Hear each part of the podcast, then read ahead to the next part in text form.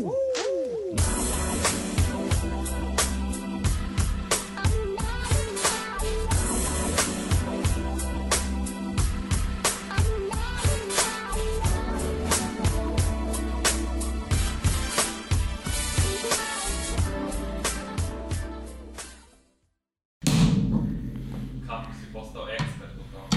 ti je bre, sad kad mi je tu ispred nosa, je, kad nema šta da bi smeta kod džiletu ove njegove ovi rekviziti po Ne. kojima se sama igra zove. Ne, e, ali... Dobro si opremio ovaj studio, kunem ti se. Meni si stavio u NFL loptu, sebi si stavio u Ovu ovaj, košarkašku. košarkašu, pa Air Jordan i to, pa kao CSKA, pa iza Carter. A kod mene, ovaj, čekaj da vidim, šta je ovde kod mene?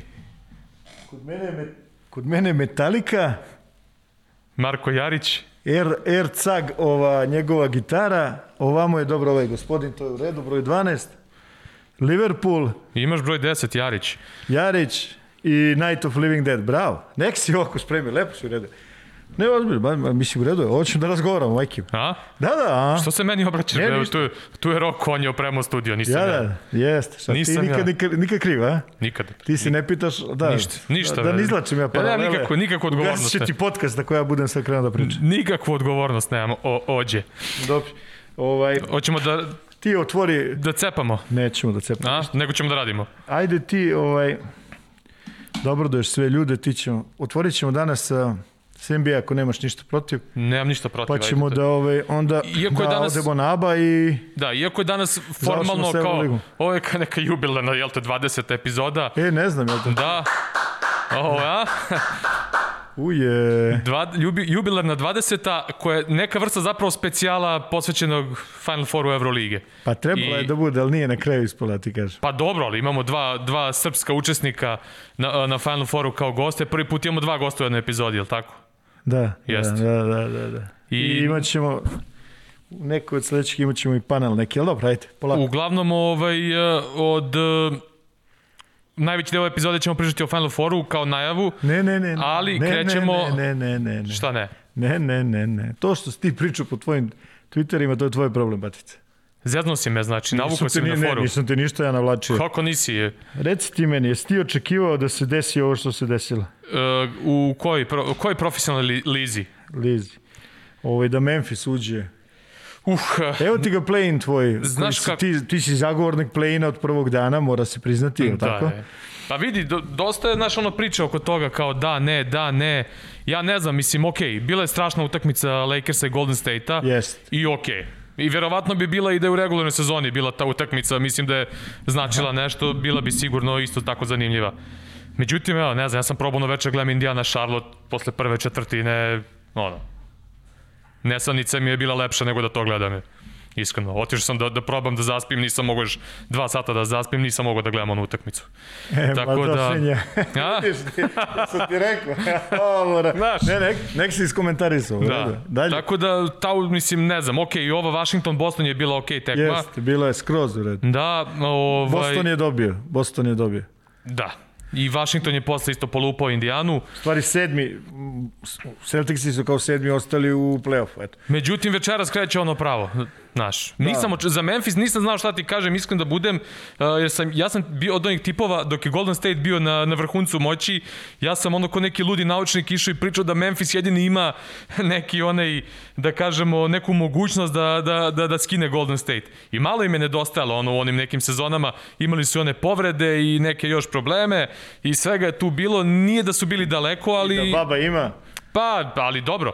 Znaš, oni, ali bili su totalno suprotnost od onoga što igra, znaš. Ja sam ja uvek ono bio u fazonu daj kao ta ono old school košarka protiv ove nove moraju da dobiju samo da se malo prilagode. I negde sam verovao da će biti negde, evo, došlo je par godina kasnije, ali naravno ne u onim okolnostima koje su bile. Mislim, pre svega znamo da je Golden State tim koji možemo- ono najviše, najviše problema ima, jel? Ali nema, Mislim, dobro, ali to je old school, new school, znaš, to Golden State i to... Ove, znaš da u tim godinama oni nisu baš bili, ono, mislim, ne znam šta ti je to old school i tako, Pa, mislim- šta, small ball, tri poena i tako, Tako je, da, te fore. da. Pa dobro, znaš da su oni bili, ono, znaš kako im preću, pričali o njihovoj odbrani, pričali Tako smo je, o broju naravno. dodavanja između igrača. O tome da, Pričali smo- da najmanje procentalno igri u pick and roll u eri koja je ono dalje. pick and roll, Prema mislim tome, totalno pick and roll heavy. Znaš, to je malo, možemo pričati jednog dana kad ne budemo imali čemu Naravno, ovaj, o, o, tim vidi, stvarima. da, sad će kraj evro, evropske košarke još malo, tako da kako će ono... mogu da ti ispravim, kraj sezone. kraj sezone, da, ne, pa a zato to. što si rekao nešto dosta apokaliptično. Pa već smo pričali prošle nedelje o Ne, zatvorenoj ne, a ti si Euroligi. u stvari, znam li ja šta si ti povezao? Ti si gledaš, gledaš Pokuševskog, ono kao otišao je on vrlo rano iz, odavde, gledaš Petruševa, otišao je vrlo rano odavde i niko ne priča o tome što deca idu vrlo rano odavde. Sprimetio to? Pa, A? nije da nismo imali tih problema i 90-ih. je. Pa uvek je bilo problema, Da. da. nego daj da vidimo da, znaš, da ima li to dobro, loše, ne znam. Mislim da neke pametne ljude pitamo, ne ti i ja, da pričamo o tome. Da, da. Razumem. A se vratimo nešto malo, samo što si čačno NBA. Či generalno ono, ovaj, na istoku nije bilo nekih, nazovi iznenađenja. Mislim, u prvih osam, prvih osam je i završilo, kako se kaže, ovaj, u, u tim uh, playoff parovima i sad uh, Pa, eto, počinje, kako kažeš ti, počinje večeras. Večeras kreće lu- ludilo. Ovaj. E sad, znaš, ono, šta su tu, kako se kaže, ovi... Washington je Gile imao onako prilično težak start sezone, onako delovalo da sve to može da se raspadne, čak se pominjali smo, pričalo se o otkazu Scottu Brooksu, međutim, kako je Da, da. se On je- bližila on je sezona u grupi kraju, tih sedam nekih trenera koji se spominju Da. da, da su šat... Na, I počeli su, počeli da igra, ovaj, počela da igra ekipa Washingtona dobru košarku. Mislim, ja Rasela Westbrooka m, originalno ne volim taj stil igre playmakera pod jedan, ali Rasela Westbrooka kao njega obožavam. E, posebno što dosta ljudi onako ga nešto gleda nekim drugim očima i ne, mislim, okej, možda ga ne voliš zbog, možda zbog stila igre, ali ja njegov taj kompetitivni duh obožavam mm -hmm. i to sve što što radi za ekipu, a Bradley Bill je meni jedan od uz Ala Horforda godinama jedan najomiljeniji kako ne i najomiljeniji igrač u ligi. I ovaj kako to sve krenulo nekako i meni je bilo žao kako se ljudi raspadaju. Međutim sad su počeli da igraju sjajno.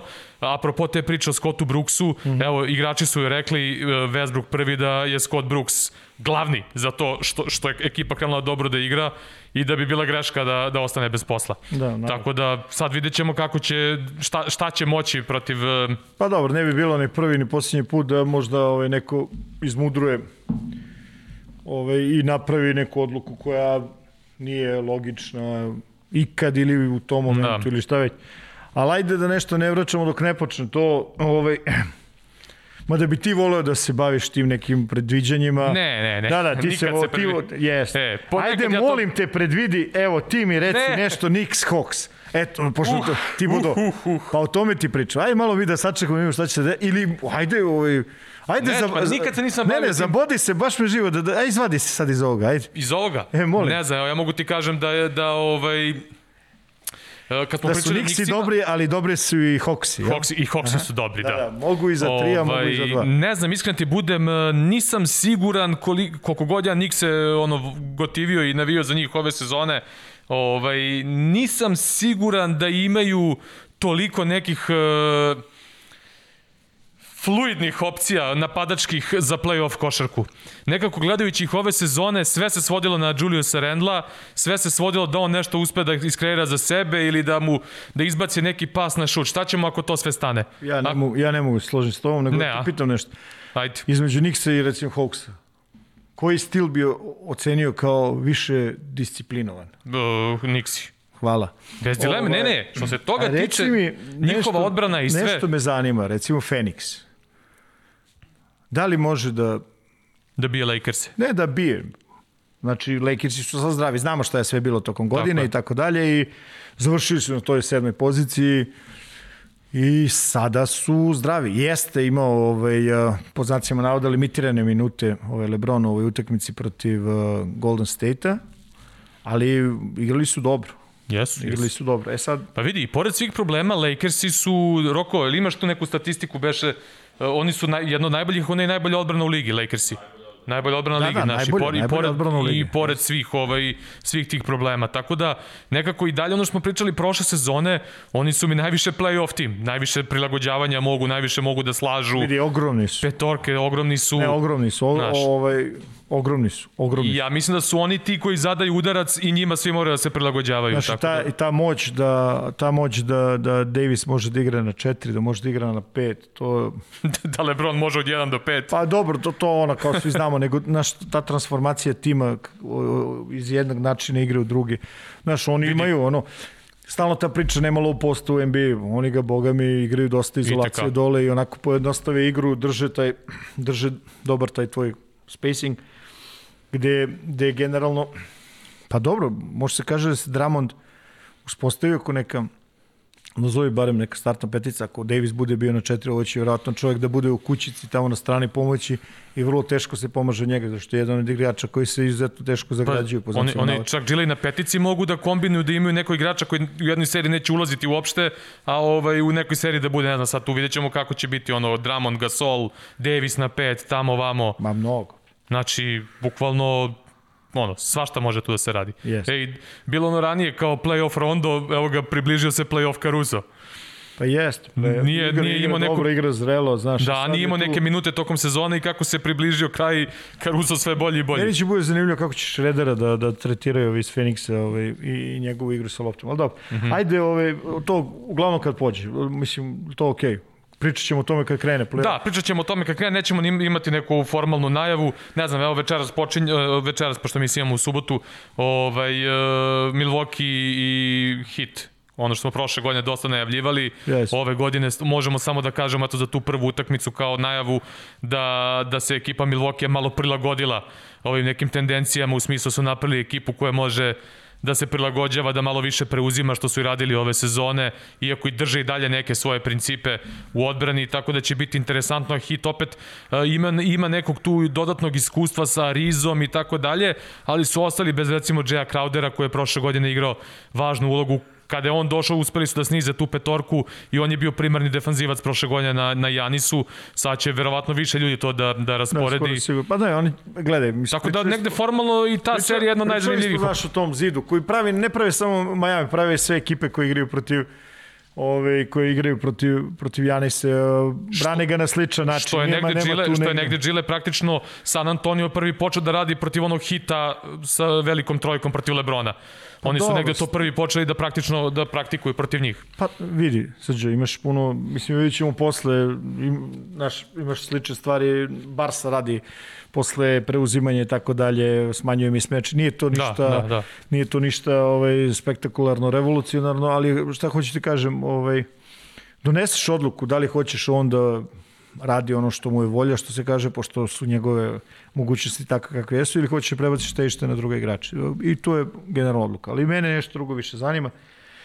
To je si ovaj, ispratio možda prve dve polufinalne, o, izvinjavam se, finalne utakmice ABA lige. Ja sam prvu celu, a ovu drugu sam eh, gledao na drugom monitoru dok sam radio radio sam neku, recimo, italijansku košarku, ja mislim, tako da sam uporedo. je ga multipraktik. Ja Gled, pa šta ću, pa to ti je život jednog komentatora. Ne znam, a što ne napišeš knjigu?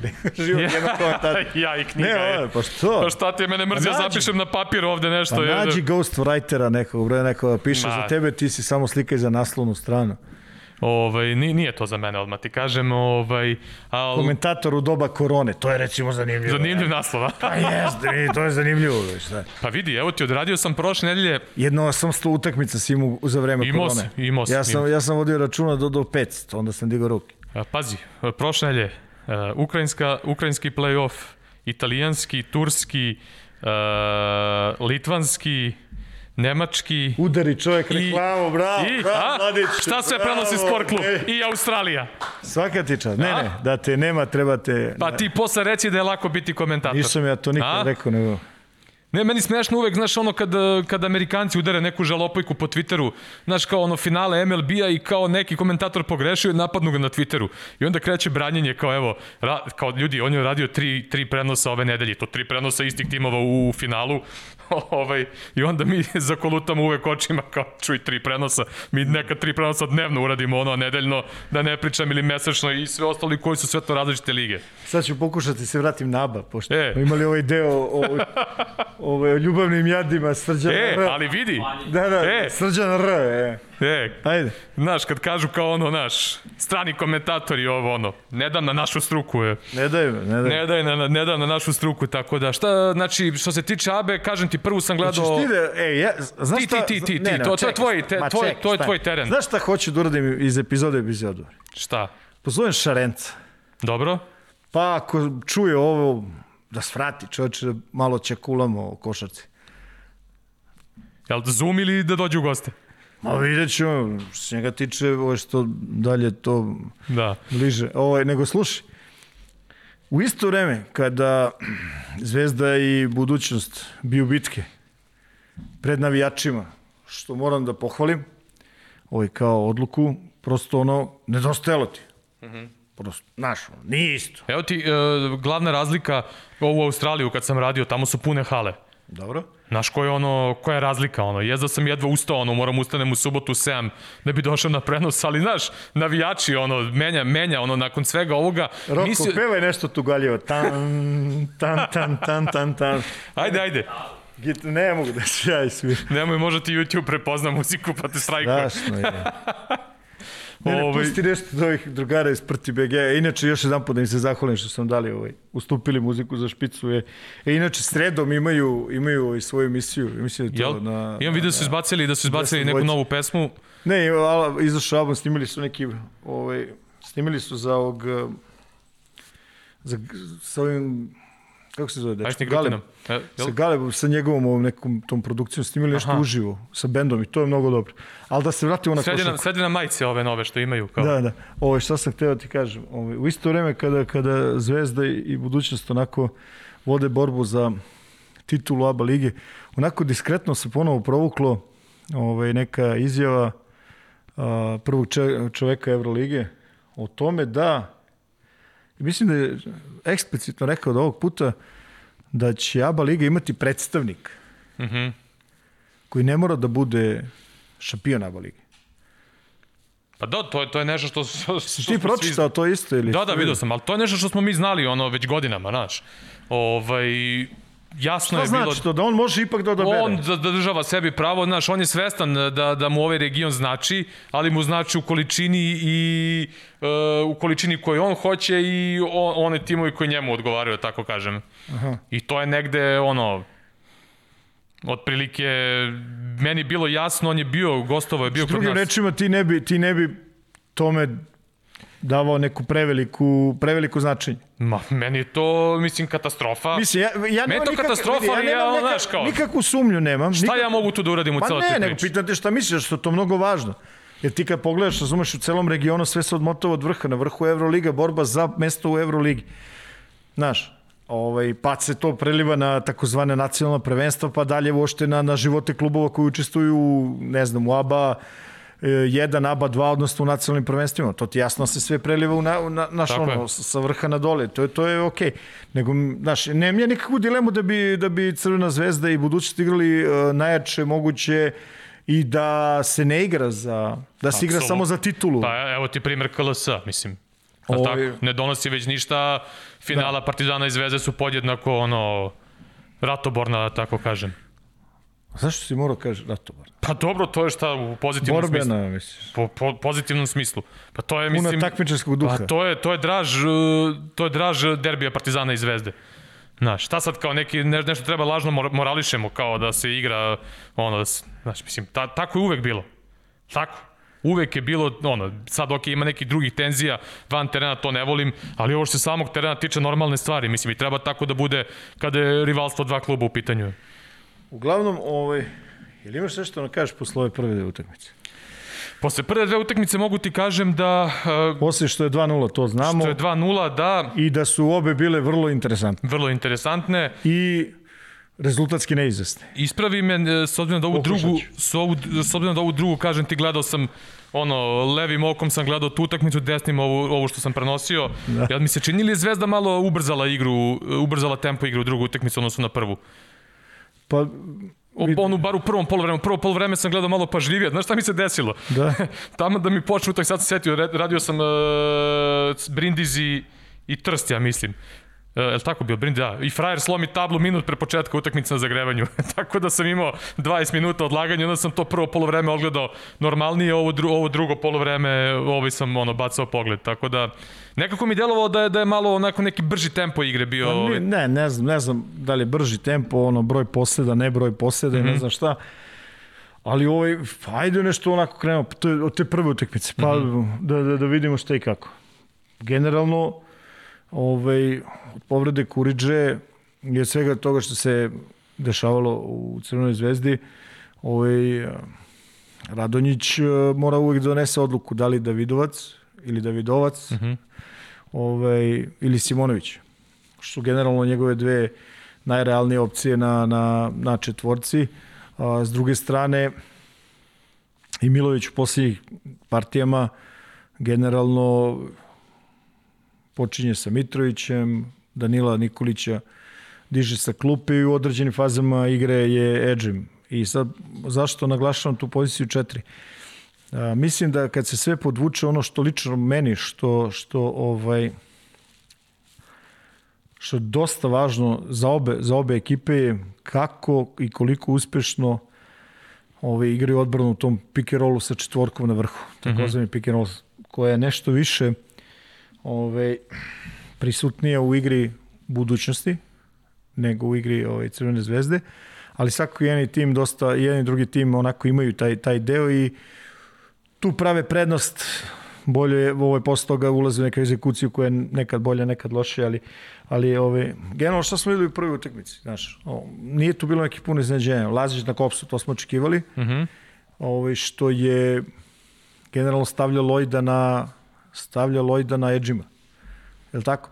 Ove, pošto je počeo, buduće je počela sa tri velika edžim na toj svoje prirodnoj trojici. Pa da, da to je njegova formacijska kao... Iako je u Evropi možda više napravio kao četvorka, da tako kažem, ono, negde više, više u ovim drugim klubovima na toj poziciji de, delovao nego na trojici. Pa dobro, znaš šta je, tu je ne, naj, naj ove, nekako je vrlo važno vidjeti da li može da ostvari prednost na low postu mm -hmm. u napadu, znaš. Recimo na ove prve dve utakmice to i nije Na prvoj prvoj je odigrao katastrofalno ove Edžem. Ja rekli smo ono meni on jedan od igrača koji koji mi je to ovako vrlo bitan, e, pre svega defanzivno ovaj protiv Crvene zvezde, ali na prvoj utakmici bukvalno ništa mu nije išlo. Od ruke brzo ušao u faulove i rano i završio. Da.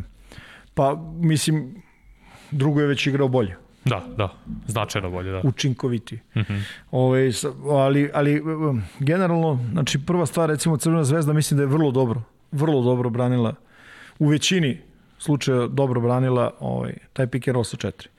Gde generalno Mitrović i Nikolić su različiti tip igrača posle tog, te blokade na lopti. Gde Danilo je naravno pop i ono, uh, neprekidna pretnja sa tri poena, što mm -hmm. je pokazao u drugoj utakmici.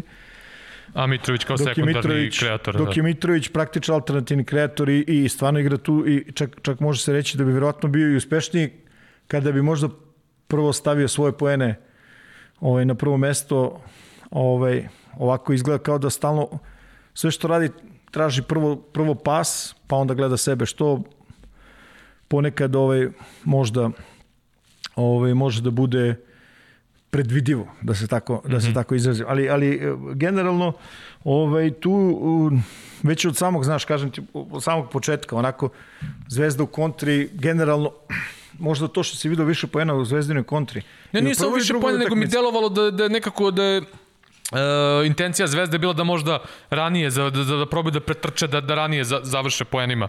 Pa dobro, imalo je, bilo je situacija kada su izašli iz dobre odbrane i trčali, naročito u drugoj utakmici gde su praktično kad su ulazili u te velike neke prednosti, pričat ćemo o tome. Ovaj, oni Mislim, su... videli smo koliko budućnost imala problema u takvom stilu igre protiv Monaka, recimo. Pa ne, to je druga Da. priča bila. Monako je ušao u, u presim preko celog terena i sad, znaš, nije, nije, budućnost, eh, nije budućnost tim koji možeš da izvedeš iz ritma samo zato što ti ubrzaš. Moraš da i pritisneš, mm -hmm. možeš da pomeriš te ište igre u napadu, konkretno na početku, kada imaš Kops, Žugić, Edžim, Mitrović, Rid, tako su počeli. Mm -hmm. Jasno je, na drugoj utakmici je Šehović počeo, Ovi na trojici, ta, jasno je da otvaraju utakmicu sa, sa jednim ball handlerom. Uh -huh. A verovatno su najbolji kada igraju sa tri. Znači petorke u kojem je kombinacija, ne znam da li će to biti Ivanović, Popović, Delavale ili će biti Kops, Ivanović, Popović, da. Delavale, svejedno. Ovaj, gde recimo u drugoj utakmici, ta petorka koja je izašla, samo da pogledam ovde, da, da ne pogrešim, molim te, ovaj, ta, ta petorka koja je izašla u drugoj utakmici u trećoj četvrtini je napravila rezultat O, srđo, šta je sad ovo? Izvini, molim te. Zato ja ne pišem nikad. Je. Ne, ne, ja pišem Buraziru. Ne znam, ne znam gde ću, ovaj, gde ću da tražim posle. E, pa to je to. Čekaj da vidim. Opa. Ma bre, napravili su onaj rezultat, bre, strašan. Ovaj... To pričaš o trećoj četvrtini druge utakmice, jel? Jest, treća četvrtina, drugi utakmice, evo. Tu četvrtinu sam najmanje ispratio, odmah ti kažem. Evo ga naš, napravili su, znači isto petorka, 8,5 minuta, ako sam ja to dobro zapisao, Kops, Johnny ovaj, Ivanović, Edžim, Danilo, ovaj, Nikolić Rid. Znači sa tri velika, skok i tako dalje i dva ball handlera koje su dominantna, oni su napravili 6-24, plus 18. I praktično od uh, rezultata, ne znam, 55-41 na polovremenu, prevrnuli su na, završili su 63-70. Da bi posle, u poslednjoj četvrtini opet slabije šutirali kao i na otvaranju druge četvrtine i tako dalje i tako dalje. Ali ajde da se vratimo ono. Znači pick and roll sa četiri mislim da je vrlo dobro branila ovaj, da je vrlo dobro branila Crvena zvezda.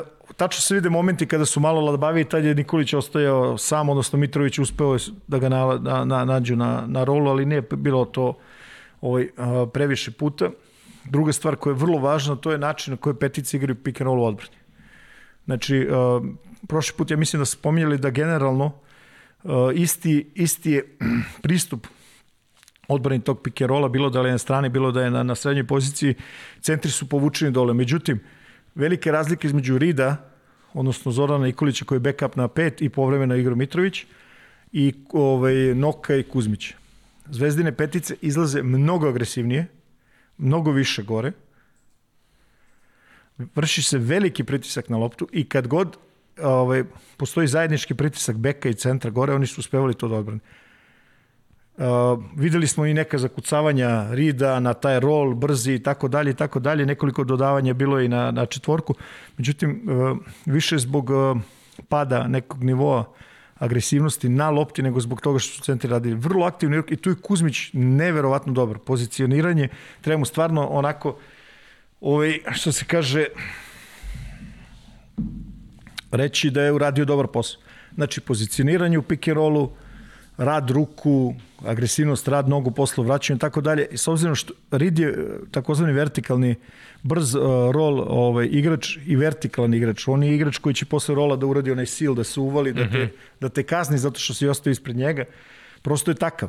To su nek, ne spada to u, na, nije na listi njegovih nije na listi njegovih ovaj, kvaliteta i to je, to je dosta važno da, da bi poremetilo igru ovaj, budućnosti, odnosno taj njihov dominantni, dominantni roll. Znaš. S druge strane, šta se dešavalo i u prvoj i drugoj utakmici, znaš, ljudi komentarišu, cele godine ta priča o Lloydu, znaš. Dobar je, nije dobar i tako dalje. Znaš, na prvoj utakmici on mnogo je povukao. Mm -hmm. naročito, naročito u prvom polovremenu je Davidovac iznesu što to je posle zatvorio Davidovac i svi i ovaj ne Davido Dobrić. Dobro. I, i svi i svi pričaju znaš o o, ovaj, o tome kako je odigrao odlično. Međutim ja ću samo skrenuti jednu pažnju na to. Dosta minuta su proveli Lloyd i Dobrić u isto vreme. Ove, na na parketu ispostavila se kao vrlo dobra odluka ovaj trenera ovaj da u, u tim momentima mnogo više nego što je očekivano, Dobrić bude takozvani go-to guy. Znači, mm -hmm. igralo, igralo se kroz njega, Lloyd je služio kao mamac i to je otvaralo prostora, da. prostora, za, prostora za, za igru Dobića, on je to i, i, ove, i iskoristio. Iako u prvoj utakmici nije, ne znam, šutirao, bog zna kako, ali je dao onu posljednju trojku, kad je Popović otišao ispod, prelomio i tako dalje i tako dalje, odlučio, odlučio tu utakmicu. Ovaj, dok u drugoj, znači tu utak, mislim da je Kuzmić u prvoj utakmici bio izvanredno u skoku, tako? Mm -hmm. Ovoj drugoj Noko sa svojim učinkom tako dalje, s druge strane Reed, Danilo Nikolić sa, da. sa šutem koji je bio izvanredan, ali ima tu još jedna stvar, naš, ovaj, kad se pogleda način na koji budućnost brani, taj pik, već smo pričali, naš, Reed je povučen potpuno dole. I vrlo je veliki pritisak na, na bekovima koji jure Lojda, jure Dobrića, svi ostali brani ih ispod ovoj dvojici u Lojdu gotovo uvek preko, ponekad Dobriću ispod, ali ovaj, veliki je pritisak znači, na Popoviću, Delavale u Kopsu, Ivanovićevim igračima, Edžimu kada igra na, na, na Lojdu, ovaj, da rešavaju onako. Rid je uh, dole pasivan, uh, radi kontrolu takozvanog prodora i radi kontrolu skoka u, skoka u, ovaj, u napadu. Ono što je takođe smo mogli da vidimo, to je uh, odluka budućnosti da puno skuplje s prvog dodavanja, uh mhm. -huh. naš, ono, kontrolišu, znači praktično kontrolu pick and rolla posle izlaska iz bloka rade spoljni igrači umesto centara kao što je Zvezda, na primjer, radi. Znaš sam te te pitam, Ajde. pominjao sam u jednoj od prethodnih epizoda tu neku specifičnost Crvene zvezde da, da ono nakon što protivnik pokupi defanzivni skok da iščupaju loptu iz ruku i sve ostalo. Još jedna stvar koja je meni fascinantna kod, kod Crvene zvezde i sad Teško je, teško je ranije bilo i oni, oni godina, nekih prvih partizanovih godina u Euroligi, takva je situacija bila i Zvezdi ove godine. Svi nekako gledaju kroz rezultate u Euroligi i kroz to ocenjuju sezonu kao neuspešna, problemi i tamo vamo. Ovaj, znaš što je meni fascinantno bilo? U svakom trenutku ove sezone uh, bilo nekih igrača koji nisu imali minutažu. Međutim, kad god dobiju minutažu u Zvezdi, Oni, znaš, ti ne primetiš da su nešto nezadovoljni i da nisu spremni da u, odmah u, u trenutku kad uskoče da daju doprinos. I to je bilo i sa Dobrićem na početku sezone i Davidovac kad dobio minute uh, i ovaj Uskoković kad uđe, uh, naš Kuzmić je imao problema pa evo ga u, kad treba Noko hvata formu, dakle u pravom trenutku nekako svi su spremni u pravom trenutku da, da daju maksimum bez obzira na to šta se dešavalo do tog trenutka u sezoni. Pa dobro, vidi, to sve što kažeš ti je, stoji, ima tu jedan, jedan detalj onako na koji ću ja da skrenem pažnju, to je recimo ovaj način na koji igra u Skoković. Mhm. Mm Vazi ovako, znači ove godine nabrojeću i e, igrače koji su bili zaduženi za primarno ili sekundarno za organizaciju igre u zvezdenom napadu. To su Volden, Hall, e, Ročesti i Kolom i da. Uskoković tih pet, sam u pravu? Da. E, da je Uskoković vjerojatno igraš sa najmanjom minutažom, ne znam. I s najmanje iskustva. Pet je u, ono u redu. Da, i s najmanje iskustva. I gledaj, vidi, ono u ovim finalima, znaš šta, recimo šta mi se vrlo sviđa, ošte ne ulazim ja u to koliko je to dobro, loše, taj kvalitet i tako dalje, može da bude bolje, ne može da bude bolje i tako dalje. Prigrni se ti ladno. Malo, da, da, malo ovaj... Je moguće ovo? Bre? Udarila zima. Daj mi jednu gitaru, molim te. E, što se mi prebacio u kadar je? Da ljudi vide šta radi. Treba da bude faktor iznenađenja. Je. Jes, sve si nas iznenadio ti. Da. No, Daj da na gitaru, molim da, se, da se vratim, da se vratim na Skoković. Znaš, igra bez oklevanja. To je mnogo važno. To je mnogo važno. Da li može da igra bolje, da može da igra pametnije, da donese drugačije odluke, pa naravno, lakše nama kad gledamo sa terena, znaš. O, izvinjava se, kad gledamo sa strane, s tribine ili na TV ili tako dalje, ali ovaj, to je, znaš, daje, daje ovaj određeni, određeni kvalitet. To mi još nešto bih rekao oko Hola. Ovi... Isto vrlo pocenjen, a opet... Pa vidi, ljudi, a... kukaju, ljudi kukaju na njega mnogo, znaš. I, okej, okay, sve zavisi šta očekuješ. Pa to, to je ključna stvar. Sve zavisi šta očekuješ. Mislim, I ne vidi, samo šta očekuješ, nego i da, ekipa i da je završila u ABA ligi prva. I da vidiš ulogu koja mu je namenjena, mislim. Vidi ovako. Znači, on je... Uh, imao je probleme tokom sezone, zdravstvenih problema, generalno. Ekipa mu je završila prvu ABA, igra u finalu, igraju 2-0. Džilo, on, on, on je doveden kao role player, mislim, pa, nije dobro, doveden okay. kao nosilac, ali tako? Pa, ne, okej, okay. i znamo da. od početka, bilo je problema sa, sa pronalaženjem tog još jednog igrača na poziciji playmakera, tražila su nas na rešenja, mislim, onako što se kaže u hodu.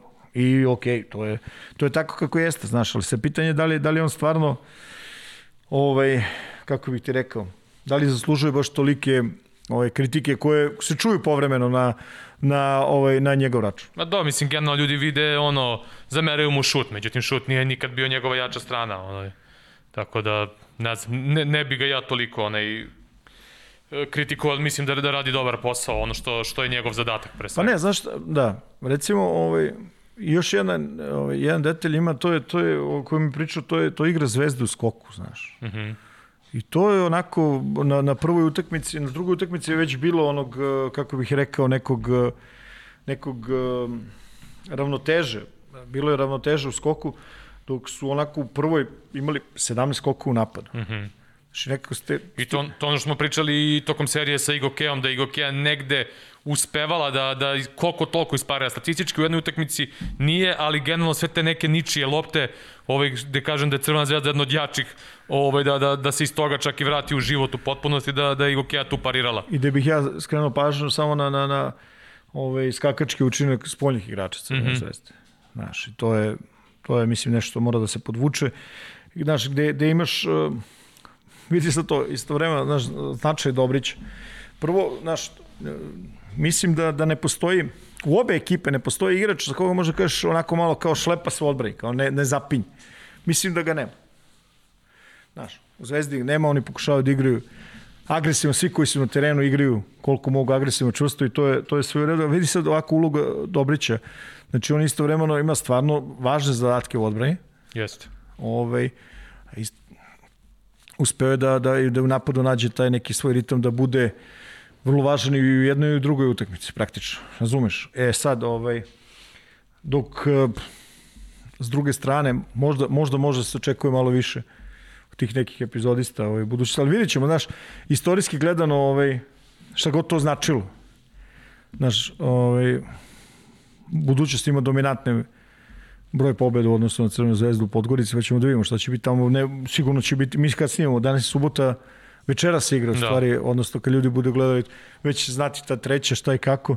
Biće navijača, biće publike i to je dobro, znači ono se vrati ljudi malo po znacima navode ovaj, što više u normalu, ali kažem ti, onako Zvezda sa tom, ako ponovi tu igru ovaj, gde je naterala budućnost na loše procente, procente šuta i iz toga su istračavali u kontru. Mnogo poena su dali onako prvih 5 sekundi napada. A, to je to. Baš, baš puno, baš puno. Istračavali su ispred i, i, ovaj, i ove rešavali. Ali ima jedna stvar koju sigurno, mislim, ne mora, ne mora nije to nikakva pamet, to da svi znaju. Znaš, njihova mogućnost, budućnosti, mogućnost da se vrati iz minusa u kom su bili i da odu na plus vrlo, relativno vrlo kratkom ovaj, vremenskom periodu. To je onako nešto na što treba da obraće pažnju ovaj, u Crvenoj zvezdi. S druge strane daje osnovu budućnosti da očigledno nešto rade dobro, čim sebe postavljaju u takvu situaciju da budu u prednosti, ali da moraju da zatvore, što se kaže, da, da, da, da završe utekmicu. Sad su onako što se kaže u, u situaciji da, da su priterani uza zid i Biće zanimljivo. Sve u svemu gledamo, nema, gledamo nema finale kako smo i očekivali, mislim, ono, pa dosta dobro, toga. Pričali smo o tome prošli put, da. znaš da se ono, uspostavilo se te dve ekipe kao dominantne u zadnjih nekoliko godina, ovaj, rade najzbiljnije, najviše, najviše ulažu i, i, ovaj, i nije čudo što su tu gde su, razumeš? Da. Dobro, jel prelazimo sad na, na ono što je centralna tema ovog eh, događaja? Šta kaže papirić? Šta kaže papirić? O, tačno. Ili možda on, a? I... dobijaš papiriće, je, ne. Ne, ne, ma je, ove, šta je, dojavu sam dobio, dobio sam dojavu. Papiriće dobijaš, ko, ko voditelj dnevnika. Ma ne znam za voditelja dnevnika, Village ha. People. Šta? Village People. Da. A ne znači, znaš da on i muzika, to je tuča. Ko ti to rekao? Ajde. To sam svojim vašim Star Wars. Ja. Šta ti je na playlisti? Ajde, uh, vadite. Nemam playlistu. Nemam playlistu. Ja sam ti rekao da nisam čovjek koji pravi liste, bre. Ja nemam listu najboljih, uh, znaš, nemam ono odred, kao najbolji drug, uh, ovo, ono, razumeš? Ne pravim ja te liste, razumeš? Kod mene je to ono sve, razumeš? Šta si ti, jedini drug, šta? Šta? Pa ne, nego imam ih mnogo je. Nemam rang listu ko je najbolji, ko je bolji od koga, razumeš je. Tako da, tako isto i sa filmovima. Kako kaže ono, uh, kako se zove, Bill Walton, ono njegovo, kao nemoj nikad da rangiraš koncerte, šampionske titule, filmove i decu. Tako nešto otprilike rekao. Eto, ja sam to malo još proširio. Ako je rekao on, onda... Pa jel možeš ti da rangiraš šampionske, šampionske titule, mislim, ne možeš. Svaka, svaka je draga, pa ali kao li ima neka kao najdrža ti je. Pa ima neki što su mi više dragi Pa od dobro, drugih. mislim je. sad ono, okej, okay, da. Ima, ali da kažeš ono u ulozi glavnog trenera, znaš. Pa kažem ti, ima neke koji su mi draže od drugih. Eto, pa dobro. Znači, ti praviš rang liste. Pa ne pravim rang liste, nego prosto drugačije emocije, drugačije, Da, pa, drugačije okolnosti. okolnosti. Da, dobro, naravno. Razumeš. ali posle par godina sve su ti ono kao šampionska titula, znaš, ni ne razmišljaš ono toliko možda.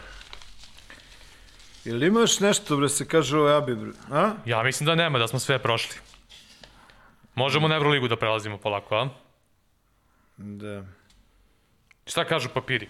Pa ne, on nešto, ovde sam zapisao način na koji brane Lojda različito, znaš, ono, edžim za njim, ovaj Popović pokušao da ga odvoje od lopte, znaš, i ono što je zanimljivo, recimo, ovaj, zanim, ovaj kritičari Hola, solidno ovaj, funkcionišu on i Lloyd u situacijama kada bilo je tu nekoliko davanja koji su odveli Lloyda na, na, na zicere, kao kažnjavanje te odbrane licem u lice koju naročito Popović igra izvanredno. Na, na Lloydu pokušava da, da odvoji ovaj, da odvoji Lloyda od igre, da je pokušao da ga usmeri od, od kretanja koje, koje su mu primarna, ali ovaj, bilo je par puta da, da, da, da ga je Hall uradio, to mi je, kažem, to mi je onako upečatljivo i ponovit ću ti ovo, da ta odluka da, da kad su oni Dobrić, da i Dobrić u jednom dobrom broju slučajeva bude go to Znaš, se igra za njega onako i ta pomoć budućnosti sa sa prvog dodavanja, skupljanje, znaš, to A već smo što pričali... je, što je malo, e, a mogu ti Da. kažem, to je zbunjivalo Crvenu zvezdu, baš me zanima što će biti sad u nastavku u finalu. Da. A već smo pričali koliko je Dobrić proširio uh, asortiman svojih poteza na terenu od nekog ono igrača koji je bio 3&D do toga da je ono sad već počeo sa loptom uh, na razne načine da, da pravi probleme odbrani.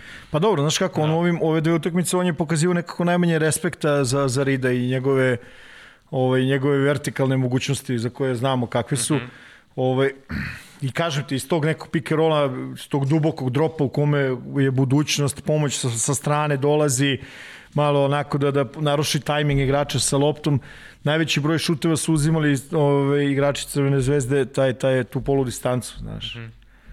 Sad, pitanje je onako šta bi možda se desilo da promene način igre, tu neke odluke od igru centara u tim momentima i tako igru na strani pomoći, ali ajde ostaje da vidimo pa ćemo kad se završi možda popričamo još o, oko toga nešto.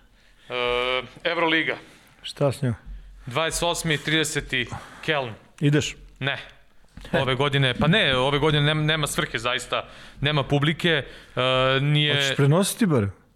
Ti Trebalo, prenosiš Euroligu? trebalo bi. Aha. Trebalo bi. Ne znam, ne, ne znam još raspored. Da, da, i? ovaj, kako se zove, nema, neće ove godine biti omogućeno da novinari imaju pristup treninzima kao što ranije bio slučaj, znaš, i onda bukvalno nema, nema svrhe ovaj, da se napravila Euroliga neku varijantu, ono kao e, na daljinu, da tako kažemo, pristupa će igrači, ono ko u NBA-u, putem Zuma i ostalo, ovaj, tako da će tako, tako biti rađen posao, da zaista ono, nema potrebe da se... Pa ako veliš, ostane ti u Beogradu. Pa dobro, šta se radi, takva je situacija. A jesi išao ranije te Final Four? Jesam, jesam. Koliko imaš Final Four? Uh, imam, znači, de, 2010. 16. 17. 18. Beograd i 19. Vitoriju. Dobro, 20 se nije igrala. Da, Pa dobro, dobro. solidno. Solidno, solidno. Solidan CV. A znaš šta smo konstatovali?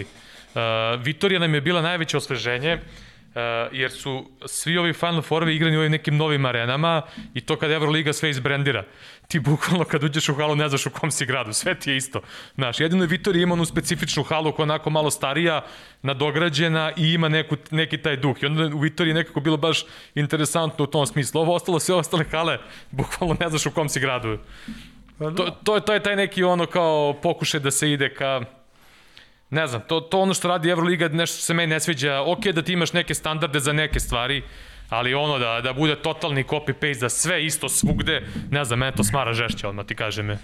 Znaš, sve, sve isto. Svake godine sve isto. I, Pa dobro, I to što ide ka tom zatvaranju, Možda postoje neki zahtevi marketinški. Da, znaš, i to- propagande, nema pojma. pa postoje, ali jel donose neku lovu? Svi pričaju kao nije profitabilno. Šta nije? Znaš, pa ne znam, meni su svi to pok- pokušaj kao kopiraš NBA, a ne možeš sve da iskopiraš, znači ne možeš da pre, preneseš e, Ameriku u Evropu. Znači, ja se, mene ono malo smara što su uh, ubili neke autentičnosti evropske košarke ovaj, i sve to kao nešto prateći NBA i ići, idu svi po tom nekom, po tim nekim kursevima koje je Euroliga pravila, kao pravimo neki naš marketinški model i sve isto. Bukvalno sve isto, ali dobro, da, da ne grešim dušu, bar su dosta toga ono napravili, promenili su, napredili su, znaš ono, ranije ono kad ti napišu ono imena igrača, znaš, ono neka imena, znaš, ono Magica Johnsona bi zvali Irvin Johnson, koga niko tako ne zove, znaš, i onda kad nazoveš, ti kažeš Magic Johnson, kažeš šta pričaš ti kakav Magic, on je Irvin Johnson, znaš, i tako to, znaš, pa Euroliga, znaš, i dosta su napredili što se tiče statistike, tog nekog, tih nekih stvari, to stvarno moram kapu da im skinu, su značajno napredili iz godine u godinu, ali meni se ne sviđa što je ubijena neka autentičnost evropske košarke i, i što to ide sve niže i niže i ono, pretvara se polako u Ameriku, znaš, ono, bit će ono da, da pravi ljubitelji košarke neće imati šta zanimljivo da nađu u tome. A šta ti je pravi? Koji su pravi, koji su krivi? Pa ne, Kad znaš, se već zakači od toga, pa ne bre, izvađa Euroligu, čoveče. Pa što si igra za Euroligu onda toliko? ne, ne, ne, pa nemoj sada ti Ne, to ne, ne, ja stavljaš nisam. u taj kontekst. Nisam Nego ja stavio ništa. Što si ti rekao malo pre da, da igrači ove odlaze odavde? Pa odlaze stvarno, to je Pa fakat. odlazili su i 90-ih, pa smo imali U rezultat. tim godinama. Pa kao u kojim? Dobro, možda malo A mlađi, nemoj da. da zezaš, ova dvojica odošli dečaci u momci u, Pa ovaj, jest, u NBA pre 20. godine ili ne znam šta. Ali to je Kad negde... su otišli iz Srbije, čoveče. Da, Isto tako kad je otišao Dončić iz Slovenije. jeste, jeste. Kad su otišli Da, ovi momci neki, to pa nemoj da... Znamo šta je već, posle, mislim, to je posledica, znamo kojih odluka, mislim, i svih onih promena registracionog pravilnika i ostalo, mislim. Jasno, jasno ko dan bilo da će to desiti. Ne radi se bre o tome, Srđo, nego daj da se napravi uslovi da deca ostanu ovde, da im, Pa da bude, jeste. da im bude ovde bu, toliko su- bolje da ne misle da ne misle šta, da šta, odu. su, šta su uslovi, ajde, ne znam, po tvojom šta, šta su uslovi da, da deca ostanu ovde? Pa nemam pojma, sigurno da se da se ovaj da im, Mislim, znaš- da im se te- stvori da im se stvori ovaj vrlo jasan put koji oni i ljudi koji prvi taj krug da nazovemo ko njih koji podržava, to je najčešće porodica u, to, mm -hmm. u tom periodu, da ljudi vide da postoji šansa da ako sve bude kako treba, da imaš jasan put na kome te neće ono saplitati, udarati, usporavati, da imaš jasan put do nekog cilja koji postaviš sebi, u zavisnosti od talenta, da. da odeš dalje. Mislim, pričali smo prošle nedelje sa, sa ovim Filipom. Znaš, vrlo čovjek jasno otišao, znači prvo je otišao gde? Prvo otišao u Španiju, pa Amerika, jedna, druga, pa se vratio ovde zato što on, razumeš, vidi put. Mm -hmm. Ja ti o tome pričam. Jeste, jeste. Mislim, nije to samo ni, ni do košarke, mislim, dosta toga i ono što se okruženja tiče. Naravno, ja ti, ok, ali vidite, znaš, to je uvek ono pitanje, znaš što je problem, što smo mi u, u, u sportovima, generalno, vrlo uspešni. Posebno kolektivni. Pa, u sportovima, da. Znači, da. u igrama smo, u igrama smo ono, uspešni. To ima, ima ona teorija ovaj, ili škola učenja ili verovanja da, da je to zato što ono kao znamo da prevarimo kao naš na terenu, a ovo kad trčiš na 100 metara ne možeš ništa da, da prevariš, nego samo trčiš pravo. A ovde sa loptom znaš ono da prodaš neku foru i ne slažeš se sa tom školom. A? Neću komentarisati. Nećeš, a? Dobro, Ne, dobro. ne, ne, ne. ne. Dobro, dobro, dobro. Ajde se vratimo mi na Euroligu koji su ti onako dobrano. Kako ja sad da nađem neko iz Euroligi za podcast Burazeru kad oni budu čuli šta pričaš ti o njima kao, kao jedan od vodećih TV komentatora. Ovaj, Vidi, ja ti samo kažem ono, ne, neko svoje mišljenje i volao bi da, da se nađe tu, da se tu nađe neko da se, da se bar malo zadrži neki duh evropske košake, da ne ode 100% u amerikanizaciju. Dobro, zato što... šta ti znači sa duh? A, a sad te pitam bez šale, šta ti je duh evropske Evo, za početak, znači da se ne pravi cela scena da, da, da odlazak na utakmicu bude kao odlazak u pozorište ili, ili u bioskop nego da se ide na utakmicu, razumeš. A opet s druge strane, tu ja smatram da i mi ovde grešimo na ovim prostorima, što nećemo da se prilagodimo da nađemo neku sredinu između ono, ne znam, futbalskog, na primjer, prisustvovanja košarci i odlaska u bioskop. Pa jes, ono, tre... mnogo je bolje kad parkiraš 30 minuta pa ideš peške ovaj, do, do dvorane gde ćeš da igraš, gde nemaš ovaj, takozvano, gde ćeš da gledaš gde nemaš takozvano obeleženo mesto. Ajde, ne, ne pričam ja o tome. A nego čemu pričam? Nego ti pričam, evo ti naj, najbolji ajde, primjer. Ajde. Znači, uh, na primjer, znaš šta mene nervira? Šta te nervira? Uh, ja se slažem da u hali ne treba da bude nikakvi, nikakve pirotehnike i svih tih čuda. Dobro. Apsolutno treba to da se ukine u potpunosti. Dobro. I onda ti dođe Euroliga i ona ti prva baca neke vatre. Si video sad na Zenit šta radi? Imaju na, na obručima onaj, onaj dim što izleće posle svakog koša. Šta će ti to u hali koji đavo? Razumeš? Druga stvar koja me nervira, u svakoj ligi šarene neke lopte. Šta radite više od sporta, bre? Dajte lopte da normalna se igra svaka liga s normalnom bojom lopte, a ne kod cirkus neki. Jedna liga zeleno-crvene lopte, druga liga plavo-belo-crvene, treća ove obične, četvrta crno-žute, mislim... Razumeš? To, možda, to su neke stvari možda ono koje... Možda da bi se prodavali više, ja šta ne da? znam. Možda bi se prodavali više. Mislim, ja se ne razumem ništa u Pa ne znam, znaš, ono kao, i šta je krajnji cilj Koja toga? Koja je tvoja omiljena kombinacija, osim crno-bela? Najobič, najobičnija, najobičnija lopta. Boja znači, zemlje ova. Znači, ova i da, i da se, ne, da razumeš. E, i sad ovaj, i šta je na kraju ultimativni ono, ultimativno dostignuće toga da svi dođu i kažu kao nije profitabilna košarka u Evropi a svi kao nešto marketing, ovo, ono, radimo pa marketing. nije, Srđe. A? Pa realno pa nije. nije. zato ti i kažem, Jesi vidio brojke koliko su izgubili Real i, Ma, znam, pa, i Barca za, ove zato godine? ti i kažem, znaš. A, kao... a vidi, to su onako, kako bih ti rekao, Pokušavaš Iza njih su ogromne organizacije. Pokušavaš američki model da napraviš, a ne možeš. Da, mislim, ne možeš Ameriku da, da preneseš ovde, ali ljudi tamo na drugačiji način gledaju sport. Razumeš, na to ja mislim, ono, generalno, volio bi da se nađe neka sredina između onoga što je u Americi i onoga što je, što je ovde, znaš nekako se ubio se taj duh, znaš, ono, Mislim, i do financija je dosta. Ne mogu ni svi da priušte više kartu, da plaćaju, razumeš, ono, neko ko će s tom nekom emocijom da, da, da, da gleda Dobro, svaku... Dobro, ti sad pričaš o razlik, razliku među ovog konkretno regiona i ostatka Evrope.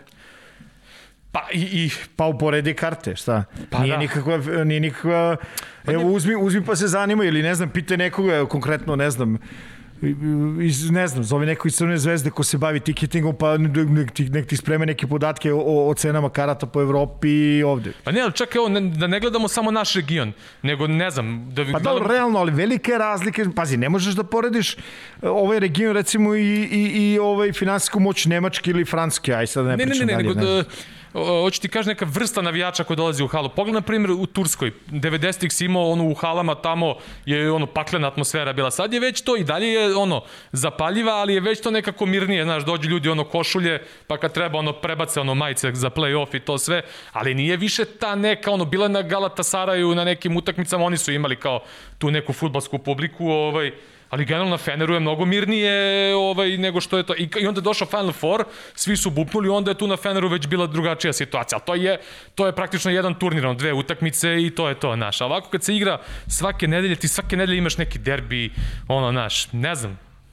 Ja sam više volao i stari sistem, to sam rekao davno, ali dobro, oni znaju vjerojatno bolje šta, da. šta, mislim, i klubovi znaju bolje, tako da mi, mi sa ove strane možemo samo da pričamo šta je nama bolje. Da. Ove, nego da se vratiš ti na Euroligu ponovo. Na Final Four. Na Final Four. Na Final Four. I da nam kažeš ti da li si iznenađen učesnicima Final Four?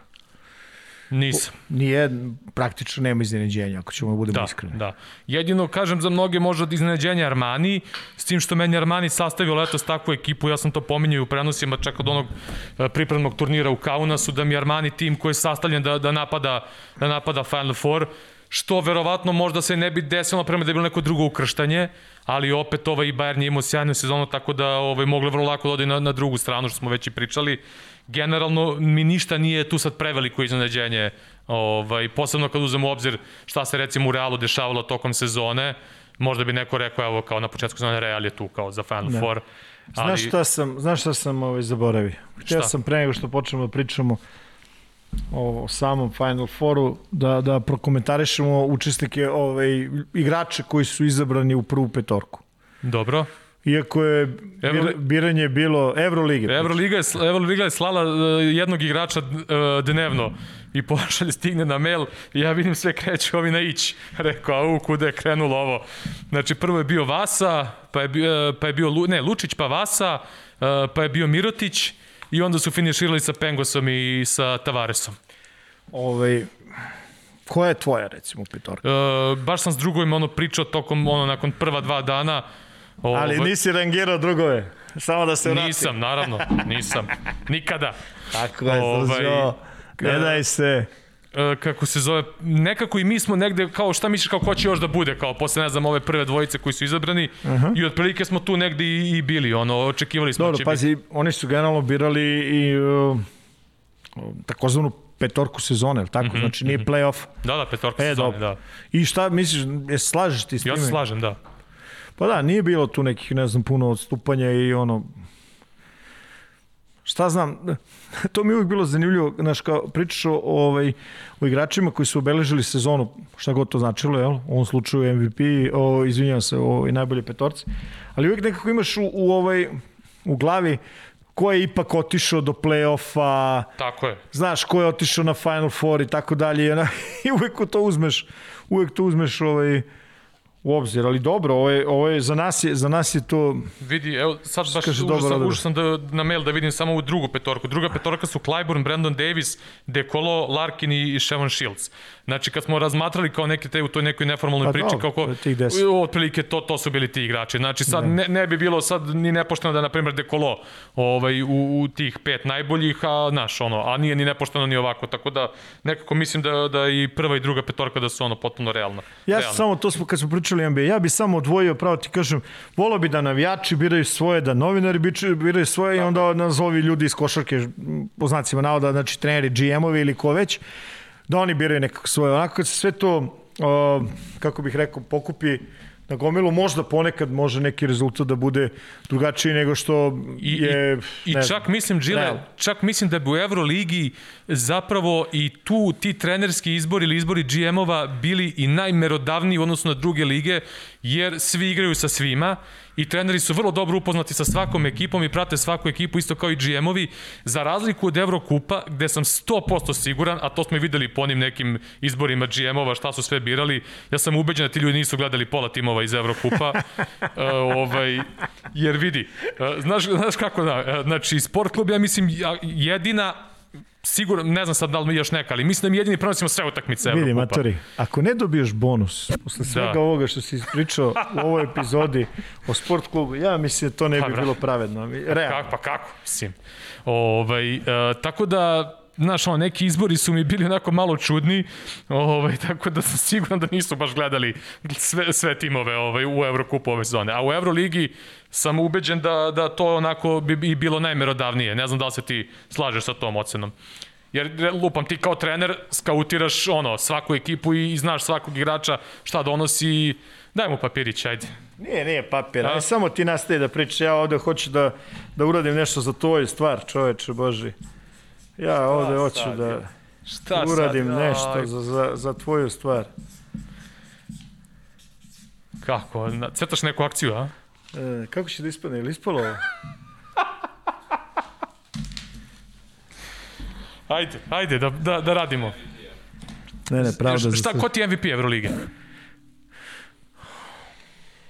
Pa ne, još rano. Šta, ja, ja ne, ja... Ne, ne, ne, o, o, znači, ovo, sezone, ovo sad, o, bira se ovo do sada, znači Final Four dobija svog zasebnog MVP-a. Hajde recimo ovih pet što su izabrani. Pangos je definitivno vrlo važan za ekipu koja mm -hmm. mislim da je radila dobar rezultat i za me je Pasqual sigurno u, na nekoj toj završnoj listi za trenera godine. Za trenera godine. Aha. Mislim to je Oni Trinkieri, kapiram, oni Trinkieri da je, realno, kapi, jel? Laso. I, la, i Laso, a? Laso. Laso. Njih trojica, realno, mislim su... I, vidi, ti kažem, vrlo neprijatna ova sezona ove godine bila s obzirom na ovo sve što se dešavalo uh, korona i tako dalje, novi timovi. Znaš, ima, ima, ima mnogo timova, kad se vratimo na početak sezone, seti se koliko timova je zaista promenjeno dosta. Bilo je nova, novih trenera je bilo. Mm -hmm. Recimo, znaš, ne možeš da kažeš u sezoni u kojoj je uh, Messina vratio ovaj, Vidim, Milano meni, na, na Final Four. I on da, u konkurenciji. Pa da. I sad sam teo da kažem znaš, specifično... ne možeš da kažeš da je to kao... Jel, I posebno što su oni... I posle će o tome pričati jedan od naših gostiju. Znaš, kad bude nabroje što su uradili ove godine, ti kažeš... Tako je. Pa, znači, daj. ove sezone je stvarno super sada, sad kad smo to krenuli da pričamo i za petorku i ovo. Onda s druge strane... Znači, ajde, ajde, evo, znači Trinkieri, Laso, uh, šta smo rekli, Pasqual, Pa, Pa- pa, pa koga ne smo, može, ali koga smo vidi- Mesina, Ali vidi sad, e, aj sad da krenemo dalje. Ataman, Ataman, pa ne možeš ti Šara znači imaš, sada... Pa ne možeš Šara, Šara znači sada... imaš šest, šest trenera koji su dalje. legitimni najbolji treneri Ali godine. vidi, ima, ima, Kogod da bude izabran, znači nije, nije ovaj, vidi, ima, ima možda i dalje. Možeš ti da Može pričaš, dalje, da. Možeš da pričaš ti o tome i dalje. možeš i oko Koškovu da pričaš. Tako je, sa onom serijom koju su napravili ovaj, dokom sezone. Sve to legitimno, što se I, kaže. I to je meni, znači evo, to mi je jedna od prednosti ove sezone, mislim kakva god da je bila, imamo neke stvari, znači ti on ranih godina si imao, znaš, ono, dvojicu, trojicu, pa onda kao Stavio šta- Trinkeri Brian, odvoje, od, odvoje Bayernu u 8. Stavio Trinkeri na Jesam, spis? jesam, jesam, Aha, da, da, dobro. da, da. Znaš, to je, recimo, to je rezultat je vrlo bitan. Znaš, uđeš u sezonu, misli, ti uđeš u play-off i igraš, uh, ne znam, pet utakmicu protiv Armanija i ovaj, uh, ako, ispravi me ako grešim, ali mislim da je samo Gist ima play-off iskustvo. E, rekli smo Gist... Samo Gist, pa ko drugi? Play-off iskustvo, ne evroligaško iskustvo, nego play-off. Da, da, da, playoff, playoff, playoff, da. Ne znam Gist, da li ima, ja mislim samo Gist. Da, Možda grešim, nemam pojma. Gist, recimo, Gist, pa, Gist. pa kapiram da je to u redu. Jeste. I izvučeš naš peta utakmica protiv Milana. Isto ovako, recimo, ovaj, i Barcelona je do Final Foura došla preko peta utakmica. Mm. -hmm. I sad, znaš, ima, postoji tendencija da se ta peta pamti možda onako ponajbolje, zato što je dominantna pobeda Barcelone bila i ono, Šara svoj izjava najzad izgleda, naš, naj, najzad izgledamo kako bih voleo, znaš. A to je, to je ono tokom sezone, znaš, neko dovodi 11 igrača, ti doveš Poga Sola i ovaj i uvedeš ga u sistem i to funkcioniše odlično. Me baš me zanima kako će sada funkcionišu na na na ovaj na Final Fouru. na Final Fouru oni oni idu na ovaj pomozi mi na Na Armani. na Armani, na Milan. I ovaj gde je taj dolazak Gasola, znaš, mnogo mnogo toga menja. Mm Znaš, mnogo toga menja iz prostog razloga što, što, što sada neke stvari, ovaj, ta, ta, samo prisustvo Gasola možda bude nateralo, primoralo Mesinu da, da, da menja neke odluke u, ovaj, u način na koji će ovaj, planirati tu utakmicu. Mislim, znamo svi 40 minuta, sve može se desi, znaš, ali ovaj, recimo, da li će morati zbog Gasola da se parira ovaj, sa Trzuskim, Mm -hmm. a ne sa Heinzom za koga smo rekli da imao izvanredan ovaj, play-off i koji je stvarno mnogo od toga uradio i pomogao pomogao ovaj da, da se Milano da se Milano nađe na Final Four I- posle koliko 29 godina. Da, i Onda to- znaš I, taj ta, I Tarzuski, izvini što te preknem, Tarzuski je u onoj prvoj utakmici koju Armani preokrenuo Da. da. protiv Barna dao veliki uh, doprinos u, u drugom poluvremenu, u Ali- toj trećoj četvrtini, Ej. defanzivno u pick and roll odbrani na skoku, zaštiti obruča ovaj, i još nekim stvarčicama ali u napadu. generalno I, I sad dobra stvar je za, za Misinu što uh, Gasol vratno neće igrati velike minute. Ono što smo videli, Pa zavisi- 15 minuta maksimalno ga koristi pa za da, sada. da, za sada. Ali ovaj znaš šta tu sad zavisi kojih 15 minuta. Mm -hmm. U Znaš. kojoj fazi utakmice? Pa tako je, mi smo videli, ja, ja sam, i mislim da smo to i ovde rekli, ja sam pričao o tome da onako kako igra tu petu utakmicu, taj način na koji su oni i Kalates kliknuli da je to meni onako super. I mnogo, mnogo daje veliku nadu igračima, ovaj, izvinjavam se, navijačima Barcelone. I, I posebno kad dodamo na to, na to da Pau Gasol kroz celu, celu karijeru, ok, sad je u poznijim godinama i e, bio je povređen dugo i sve to, ali znamo kako je on dizao svoje brojke, kako odmiče takmičenje u kojem nastupa. Pa dobro, Znači, vidi. kako dođe na Radi najbitnije se o- borbe, on postane supermen, ono, Pa dobro, šta god je radi bilo se protiv. o čoveku koji je ono ispisao, što se kaže, deo istorije i španske i evropske i svetske, I svetske košarke. Nema tu sad Bez dileme. ikakve dileme. Ma kakva, to je o tome ne treba što diskutovati. Ali, kažem ti, recimo, naš, ta centarska linija koju može da izvede Mesina na pet, znači Heinz, Tazuski, eventualno Ledej i ovaj, kako se zove, ne Brooks, nego ovaj drugi, Evans ovaj, koji mogu da igraju na, na, na petici. Sad, s druge strane, šta možemo da vidimo? Možemo da vidimo Gasola, Davisa, Davisa, možda Oriolu, Oriolu, da. možda Oriolu. koji je malo ispao iz rotacije. Pa da, ali, Da. što je normalno, jel? Mm. -hmm. Ali, ovaj, recimo, tu kontrolu onoga što se dešava na terenu, ovaj, bez neke in, inicijalnog neke, neke, neke, neke ovaj, um, anksioznosti u odnosu na, na, na, na veličinu gasole, tako je, menja, menja stvari, znaš, poništava neka mogućnosti, ovaj, mogućnosti preuzimanja, limitira šta možda uradiš ovaj, u odbrani pick and rolla i tako dalje, verovatno će dati nešto i u napadu. Ovaj, nešto više nego što smo videli. Možda ne kao igrač koji će da rešava, ali više kao igrač koji će da pravi određene ovaj, prednosti za, za saigrače. Znaš, to, to je recimo, jedno, recimo veliko pitanje. S druge strane, ovaj, treba da vidimo kako će da se igra na, na Kalatesu koji je dominantni, ona ball handler za, za ovaj, ovu za Barsu. Za Barsu. S druge strane, Milano je jedna od ekipa uz Efes, koji ima ta takozvana četiri ball handlera ovaj, na, u sastavu i mogu da ih koriste. Stvarno postoji velika moć. I dob, oni, oni dobro funkcionišu nije, nije lako preuzimati kada se igra protiv te čak, trojke. Čak možda i više, ono kad proširi rotaciju, možda ih i više ima. Pa vidi, koji... Rodriguez, Rodriguez, Delaney, Delaney Panter, i, i Panthers, plus kao Micov, ti neki ostavni, i posle ima Shields, Micova, Micov i tako dalje. Ro.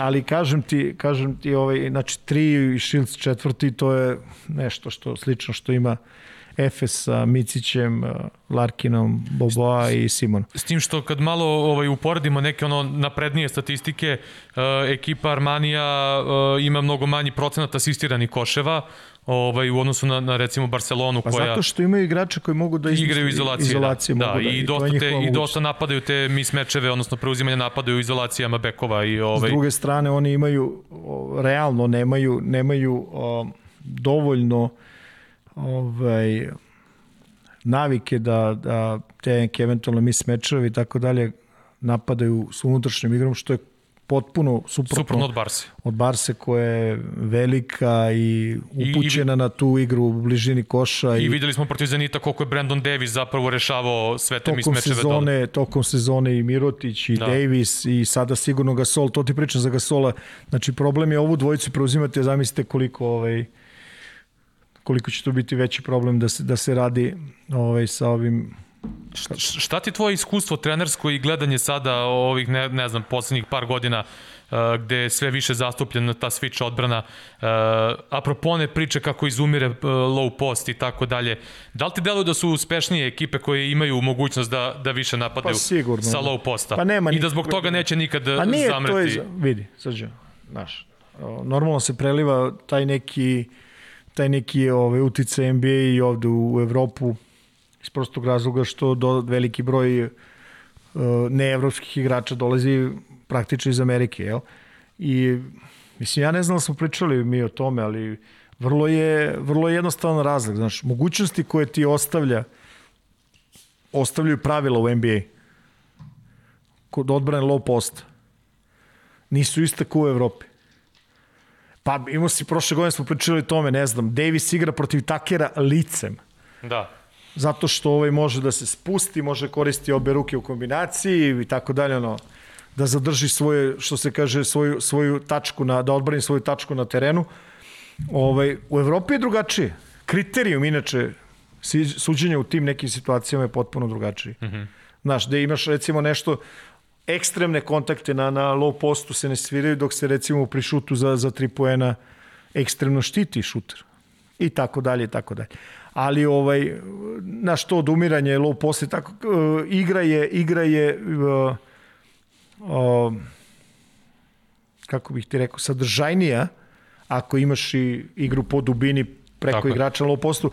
Ne moraš da imaš igrača koji, koji će da poentira, ne moraš da imaš ovaj, igrača koji će ono biti, što se kaže, daš mu pa da igra izolaciju, ali ono kretanja, utrčavanje, tako dalje, naročito u situacijama kada je ovaj protivnik u bonusu, mislim, može da, da ti donese neke prednosti. Apsolutno, nekako, znaš, ja nemam dokaz za to, zato sam pitao tebe, ovaj, ali neki ovim očnim testom, evo, na kraju smo videli i Efes, da je nakon brojnih problema u seriji protiv Reala, na kraju u toj petoj pomerio mnogo više loptu pod, koš i tako su napadali mnogo, mnogo više nego u prve dve utak, u da. prve pa, četiri Vidi, generalno uvek se svede na ono što imaš. Znaš, probaš da koristiš šta imaš, ono što nemaš kriješ, da. ono što ne radiš dovoljno dobro, pokušaš da kriješ, pokušaš da ne radiš, barem mudri tako rade i to je to. Da. Nego, ovaj, Roko, aj prebaciti na ekran, aj. ovde smo, prvo ćemo pričamo o Milanu i, i ovaj... To, to je inače druga utakmica, petak 21H. Pa ćeš da radimo... Ne, ne, ne, ne, ne, ne, ne, samo, samo dajem informaciju. Ranu informaciju. Eto, čovjek obuče jakne i odmah... Profesionalac. Ne, može. Profesionalac, bre. Profesionalac. Liga američkih profesionalaca. A. E, ovaj, slušaj, Znači, uporedit ćemo samo malo u, sa nekoliko klipova ono što igra uh, Milano u napadu i ostane saradnje Barcelone. Počet ćemo sa, sa oba trenera. Znamo da, da ako je moguće ovaj, dozvolit će svojim timove da, da igraju pre nego što je postavljena odbrana i te neke situacije u prvih nekoliko sekundi napada. Ja nisam hteo da ostanem tu kontranapad i tako dalje. Ovo su neke već, po znacima navoda, početak ranog napada i posle prelasci u neku, u neku ovaj postavljenu odbranu. Ovde za početak, to smo videli i, i mnogo toga je koristio ovaj, a, Milano i protiv naravno Bayernu play-offu, znači otvaraju tu igru sa, sa pick and rollom na strani gde može doći igra 4 i 5 i ovo su dalje neki nastavci, kontinuiteti koji koji se koriste. Ovde vidimo takozvani steger u zastupni, u zastupni pick and roll, ovaj, što je jedna od opcija kada petica prave prvi, prvi pik. Ovaj, ovde a, ponovo znači ulaze i vidim, obratite pažnju samo na, na način na koje je Barcelona ovaj, branila ove, ove kretnje, da li će Jaskevičius nešto menjati a, u odnosu na to da će na tu minutažu o kojoj si pričao Gasola, da. Gasola vidjet ćemo generalno... Ovde Oriola koji ima mogućnost da... Oriola, da, konkretno u ovom slučaju Oriola, odnosno Davis koji može da igra i u, i u može da igra i u tim uh, ove, agresivnim varijantama, da. sa, sa iskakanjem ili sa preuzimanjem, ovo je naravno i u dropu.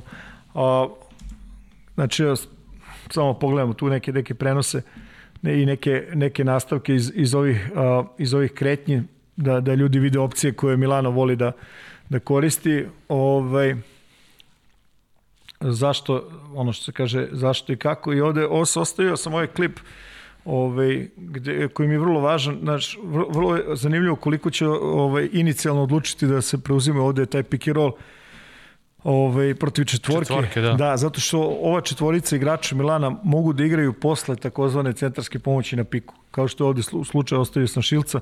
Znači, pored toga što centri urode ono što treba urode, Šilc je nastavio da igra ne znam koga je napadao ovde, Kurika, mislim. Kurika, da. Ovaj, I to je, to je vrlo, vrlo ovaj, da, daje dodatan kvalitet uh, ekipi uh, Milana. Rekli smo već, znači može da uđe, mogu da uđu i sa, i sa četvorkom, gde ovaj drugi pik gde ovaj drugi pik igraju sa peticom. E sad, ova opcija ovde generalno ovaj, je realnija ako je ovaj, Evans na 5, Anton Ledej. Međutim, to će možda direktno biti povezano s time da li je Gasol na terenu. Znači, protiv Davisa, protiv Oriole ove opcije mogu da, mogu da rade.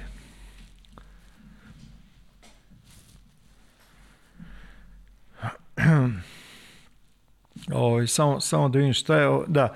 Znači ukoliko nema tog pika na na strani na na, na igraču koji prenosio loptu, prenoć prenoće se lopta ovaj pre, prebacivaće se lopta na, na, na, na taj pick and roll u sredini gde vidimo poziciju Oriole i ovaj način na koji će napadati na koji će se napadati ovde ovaj na koji će se napadati ovde prodor. E sad, ovaj, na koji će se napadati centar, e sad treba samo reći, ovaj, Milano ove godine izvedeno šutira i ja svaki put kad budu mogli, mislim da će Barcelona pokušati da, da odbrani pick and roll u 2 na 2 situacije, pomoći se igrača koji su onako drže širinu 3 poena može da bude ovaj neprijetno u određenim fazama igre. Uh, ovo je nastavak tih prelazaka iz prelazaka iz, iz, iz kontranapada u rani napad, gde sada centri umjesto pika rade iz takozvanog open rasporeda uh, rade steger za igrače iz suprotnog ugla i nastavlja se ovaj pick and roll na sredini. Na re pick, opet to je ono što ti pričam, znači aktivnost bekova posle inicijalno dobro odbranjenog pick and rolla i ovde je druga opcija, umesto da idu u blok ovde u ovom slučaju za Micova, oni idu u blok na ovaj, na loptu ovaj, takozvani taj steger pick and roll ili u zastupni, u zastupni pick and roll. A, ovo su već ziper varijante, Znači ovde Shields izlazi na, na, na Keca i igra se taj pick and roll sa, sa Heinzom. Ovde se Barcelona odlučila za, za agresivno iskakanje. Mislim da je bio Davis ono, brz, brz transfer lopte i, i, ovaj, i kazna. Ovo je takođe jedna, jedna zanimljiva kretnja gde, gde praktično drugi ili treći ovaj, alternativni ball handler dolazi u priliku da igra iz ovog rasporeda koji je ono zovemo rogovi ili da. centralni pick and roll i tako dalje gde ima različitih naslova ovaj, ne naslov, naslova, ovih na, nastavaka. Ovde vidimo da, da Heinz rola i pogled koliko je Kuri kod eh, Pantera uvučen unutra. Mislim da Mico ovaj, to vidi i završava sa ovim šutem. Ovog puta je ovaj promaše, ali, ali generalno to je to je dobar napad. Naravno ova igra, igra Delaney Heinz saradnja posle skoka. Ovaj. Kažem, kad čuvaš te ekipe koji imaju dobre šutere, ona vrlo je važno da, da ostaneš fokusiran i posle i kad je lopta u razadku.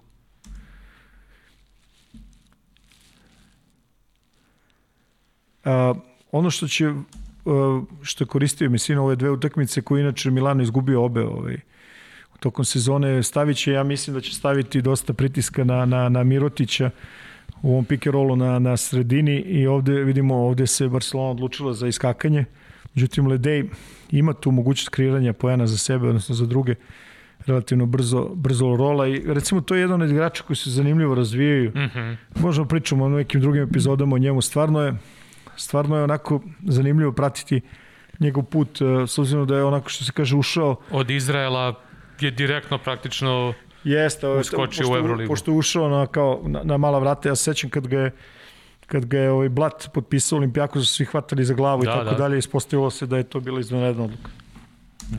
E, samo ću dodati da 41% Armani ima za tri ove sezone. Si pogledao, jesno. Da, da, i pa pominjali smo ono i kad smo pričali sa, sa Vladom da oni su CSKA najbolje, mislim, trojkaški tim u ligi da. i, i oni o, o, true shooting procenat i onaj efektivni procenat su im izuzetno visoki, tako da yes. da dodamo i taj podatak. I ovo je isto druga opcija, znači bez prethodne blokade četvorka će izlaziti u pik gore, ponavljam, zavisni, zavisni šta će se desiti i to je ovo, je, ovo je ono što je generalno ovaj, može se dešava kao opcija, iako je Mirotić je vrlo solidan odbrbeni igrač posle, posle preuzimanja. Međutim, ovaj, sad ću ti pokazati nešto. Barcelona izlazi u ovaj pogled poziciju Brinesa i Hange koji dolaze iz prvog dodavanja, naročito Hanga u ovom slučaju. I pričali smo onom volu za Janisa, on je kao zid.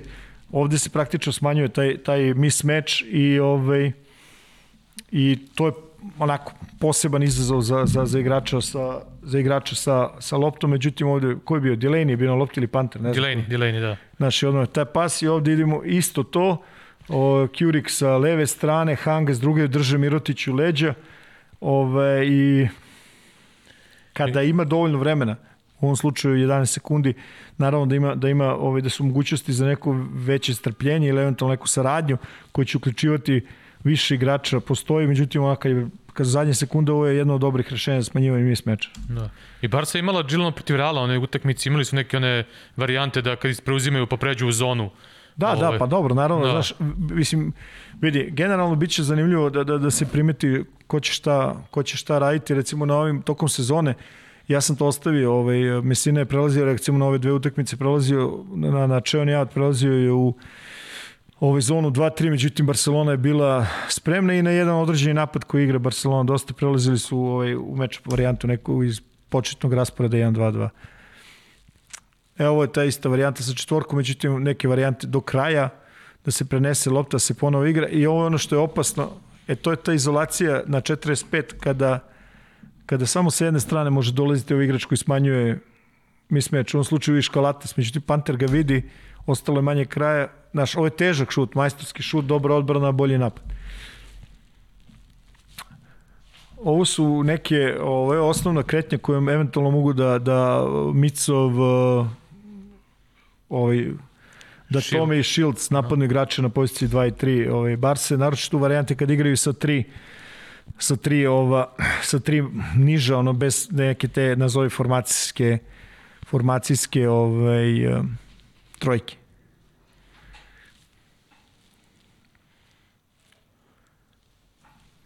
E, čuveni Iverson cut. E, ovo je ono što sam ti pričao, samo malo da, da vratim. Znači ovde je Milano stao u 2-3, međutim Barcelona bila spremna ovaj, za ovo i ovde je Mirotić za okucavanje, I, sledeći put kad su postavili. I Barca je jedna od, e, od naj, da kažemo, efikasnijih ekipa nakon e, čelnih auta u, u Euroligi. Da. Imaju veliki broj lakih pojena na obraču. I, ove, I ovde praktično iste varijante, međutim Ledej zaspo na na Higginsa i kaznili su ih. I ovde je to, ovaj, ovo je to što sam ti pričao, znači na, na određenu akciju iz auta, prelazili su u, promenjali su odbranu i ulazili ovde ovaj, u, meču, da, u meču varijante ovaj, gde je centarski par Heinz, Ledej koji mogu da, koji mogu da preuzmu. E, ovo je već, ovaj, ovo je već Barcelona, znači vrlo slično, taj inicijalni pick and roll na strani, igraju sa četiri, igraju sa pet, ovaj, i prva prilika ako postoji, oni će, oni će koristiti da, da, da, da naravno, da napadnu koš što je moguće ovaj, efikasnije. Kažem, postoji razlika u broju ovaj, takozvani ball handler igrača koji mogu da igraju efikasno pick and roll između Barse i, i, ovaj, i Armanija, međutim, mislim da Barsa ima da ima opasnije igrače na low postu Mirotića, Davisa i naravno Gasola. Da. Ovo smo videli ta varijantu tu sa pick and rollom sa, sa ovaj četiri, ovde vidimo sa pet, gde je na prvo iskakanje Heinza, malo odvajanje od Davisa bilo vrlo agresivno, on je igrač koji može spustiti loptu dribling i oni i on i ovaj i ovaj Mirotić. O, ovo su već ovo je takozvani onaj Argentina napad čuveni koji je ono godinama ovaj ranije o, igrao naš legendarni ovaj profesor Nikolić. I ovaj, ovo su samo neke varijante, znači za početak inicijalni pas na Mirotića i, i izolacija dole na, na low postu i ta čuveno, čuveno, čuveno strpljenje ovaj, Kalate se igra pod kontrolom koja vrlo, vrlo često daje ovaj, vrlo često daje rezultate i zanimljivo je da je i ova sezona, znaš, potvrda njegovog ono kvaliteta, iako je, pričamo svi o ovaj, stalno je ta, ta, ta, ta priča o njegovoj šuterskim sposobnostima i tako dalje i tako dalje. Evo sad njegov tim je završio na pozicijama koji je završio ulaze u play-off. Znači ono, šta drugo je mogo bolje da uradi. Nastavljamo sa tim, kažem ti, ono, popularno nazvanim ovaj, Argentina napadom, ovde malo Oriola je zaspo, prenos pick and rolla i dole ide blokada.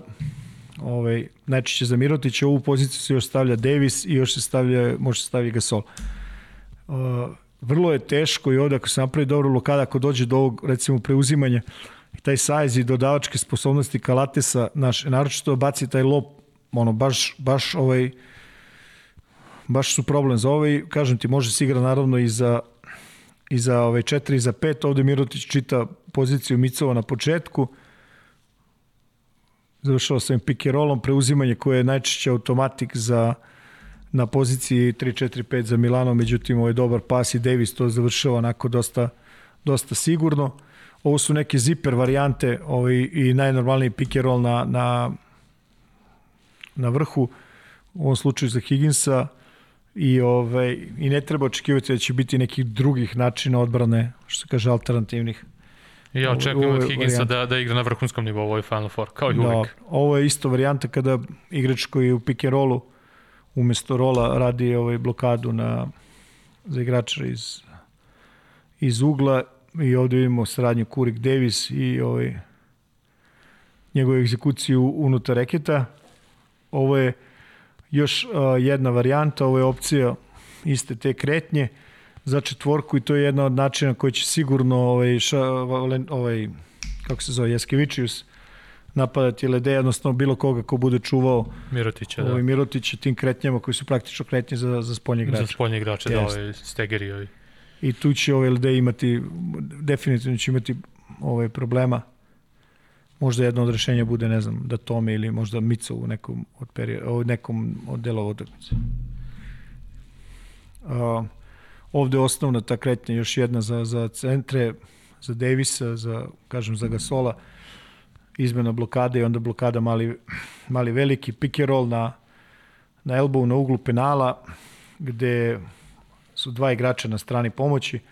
Pogledaj, to je otprilike ono što se onaj traži, ima, kažem ti, ima ponovo, ukoliko nema, i ovo je, i ovo je ono na čemu će Šaras, na čemu se Šaras strašno puno ove, insistira, to je igra telom i, i ta, to zagrađivanje, uvaljivanje posle rola. Mm -hmm. Sveći kad smo pričali o budućnosti, recimo, da, da. Reed jednostavno Reed nije takav igrač. Da. da, taj jednostavno nije takav igrač.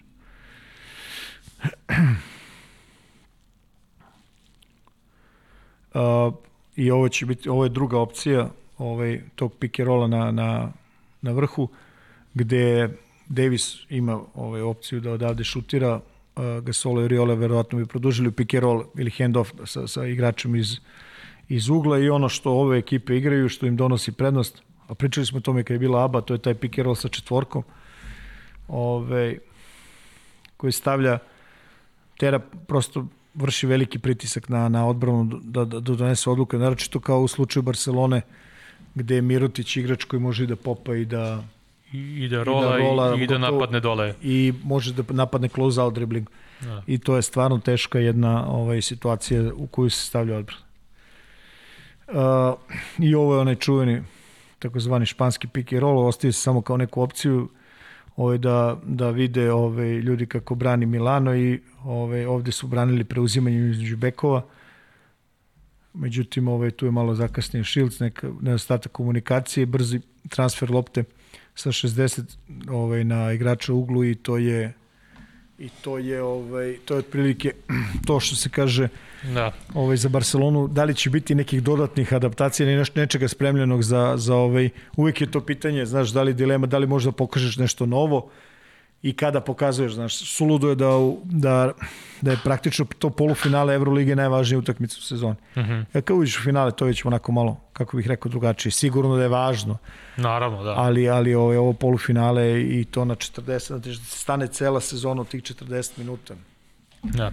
Armani je, to, Barca je dobila obe utakmice u sezoni, Armani u toj u prvoj utakmici u Barceloni dobar deo meča vodio i onda u finišu treće četvrtine i poslednja četvrtina Barca ih je uh, ovaj, tu negde onako pregazila i dobila. U Milanu su dobili ubedljivo, celu utakmicu su vodili, pa vidjet ćemo uh, šta će biti ovaj, sada u Kelnu što se tiče tog prvog polufinala. Ja smo završili ovaj prvi, prvi par ili imamo još nešto tu da dodamo Samo, jesmo, ja ne znam, još ti nešto dodaješ.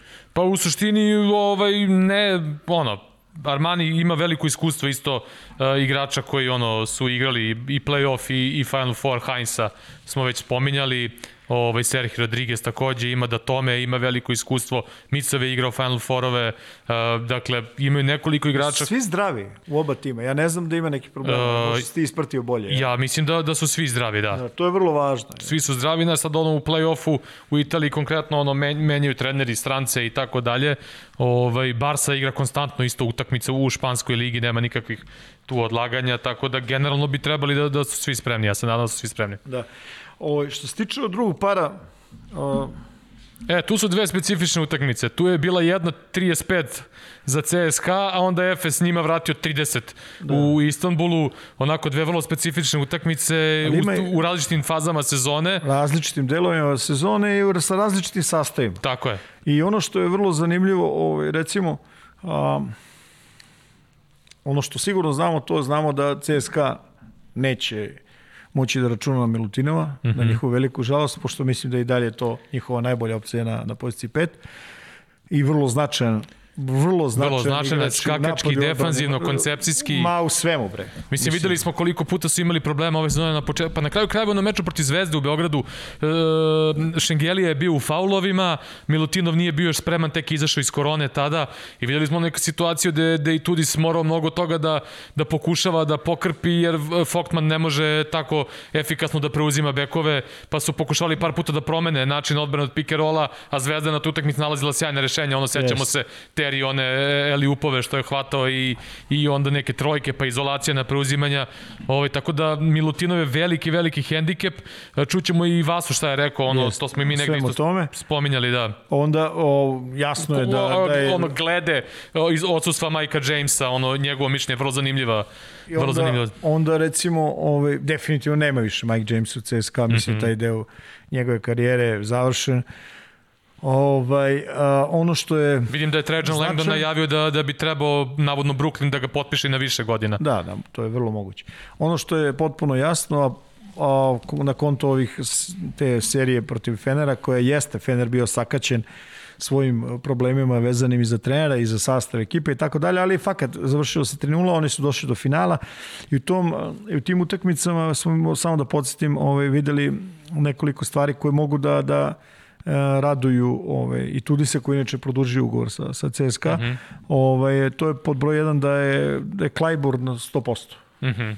I da je tu i da je vraćan i da igra odlično. Stvarno igra dobro, dobro, igra u dobrom ritmu i tako dalje. Drugo, a, potpis za koji su mnogi onako vrteli glavom, a to je ovaj dolazak Lundberga, da. ovaj, je definitivno definitivno se ispostavio kao ovaj dobar. Mada, a, I on ima neki problema, sad ne znam da si video u VTB ligi imao je neku vrtoglavicu, nešto se loše osjećao pa je napustio utakmicu, valjda bi u bolnici, okay, ali ja sam kao navodno je sve okej, okay, tako da, da. Ali I generalno ovaj, trebalo bi, nadam se, da bude spreman za, za Final Four. E, i ovaj, generalno, ono što smo, kažem ti, znači dolazak, dolazak Lumberga, onda na tim nekim utakmicama Heket nije igrao, na jedno jeste, drugo nije. Znaš, ono, nekako malo je promenio način igre, malo je promenio način igre ove, CSKA, mislim da su vrlo opasni. Mm -hmm. Sad nek, imaju više tih, e, više tih nekih oružja. I dalje je njihova low post osnovna opcija Šengelija, Clyburn. Clyburn. Clyburn. I ovaj, mnogo, mnogo pick and rolla posle takozvanih pripremnih kretnji i u ranom napadu i tako dalje, gde je dolaz Kolumberg imaju još jednog ovaj, tog bol, uh, bol handlera. Uh, generalno, vrlo važno, ovaj, vrlo važnu ulogu može da ima upravo igrač koji se spomenuo, to je Vojtman, koji... Koji igra u sjajnoj formi u poslednjih yes, par meseci. Koji, koji ge, može da, da ja mislim da je, da je njegova primorna pozicija, da može više pruži kao, kao streč petica nego kao četvorka sa, sa sajzom, ali ok, to je, da, da sad ne pričamo o svemu tome, ali sama mogućnost da može pokriva ove pozicije je, je, ovaj, je dobro za CSKA. S druge strane, Efes, uh, vidi, pričali smo sad pre neki minut o tome. Izvini samo da, da pre nego što pređemo na Efes, samo da kažem apropo one priče o asistiranim koševima i ovdje imamo istu situaciju da je Efes nešto preko 61% asistiranih koševa, CSKA na neki 54, ali sa tendencijom da će se to promeniti ovaj, u, ekipi, u ekipi CSKA, s obzirom nema Majka Jamesa koji je onako ISO heavy bio igrač, ono, koga je najveći deo izolacije išao na njega. Pa uglavnom, znaš, počeo sam o Efesu pričam, Atoman, evo već drugu godinu za redom, definitivno taj tim je tu onako na, na, na, na kratkoj listi nazovi favorita ili timova za koje se očekuju da dođu do četiri, odnosno finala ili da uzmu na kraju. Sačuvali su tim, znači pokazali su to što ima, pokazali su jednu, jednu ovaj, jednu vrstu, jednu vrstu ovaj, otpornosti, znaš, otišli su s 2-0 u, polu, u ovom play-offu, su otišli s 2-0, možda malo opušteni, malo, malo u drugačijem nekom raspoloženju nego što je bilo potrebno. Real se vratio, oni su pobedili tu treću utakmicu, odnosno petu ukupno za treću pobedu. I ovaj, kažem još jedan put, ono što ponavljamo stalno, četiri ball handlera, različite načine igre u odnosu na ono koje, koje je unutra, a, mnogo promena uloga tokom same igre, znači mogu da izađu sa Znači u petorci recimo Larkin, Micić, Simon može da imaš bukvalno bilo koga od njih na, kao dominantnog pick and roll igrača. Tako je. Ono što je recimo može da raduje ovaj, navijače Efesa je dominantna igra ovog Singletona u toj nekoj utakmici koja se najviše malo, možda brojala tokom cele, ovaj, tokom cele sezone i ono što je ovaj, prosto zastrašujući ta njihova dubina na poziciji broj 5. Znači, ono, igre Šanlija, Plajsa koji se vratio, Dunstona, znaš, to je onako pun jedan, pun jedan roster, gde u zavisnosti od toga ko će, ovaj, kako će CSKA igrati i koliko će Clyburn biti okrenut igri ovaj, na, na poziciji 3, verovatno ćemo mora, možda vidjeti i, i nešto, neko proširenje rotacije ovaj, spoljne linije Efesa. A, s druge strane, ovaj, biće vrlo zanimljivo vidjeti na koji način ovaj, će, će CSKA odgovoriti na a, te šuterske sposobnosti nekih visokih igrača ovaj, koje ima Efes. Da, uh, i dalje ono, držim do one priče da je ekipa Reala napravila veliku uslugu Efesu, što ih je iscedila u onoj prethodnoj seriji, da im je negde pokazala zapravo da, da, da moraju da se malo uplaše po znacima navoda i da budu još više ono psihički spremni za, za ovo polufinale koje je zapravo repriza poslednjeg finala uh, pa Fan Fora i onako... Da ne pričamo unapred, Vasa će pričati o tome, oni Tako su bre, grupa ozbiljnih ljudi i ovaj, izgledaju kao da ove godine stvarno znaju šta hoće, ono, po znacima navoda, mm. tako upotrebim frazu.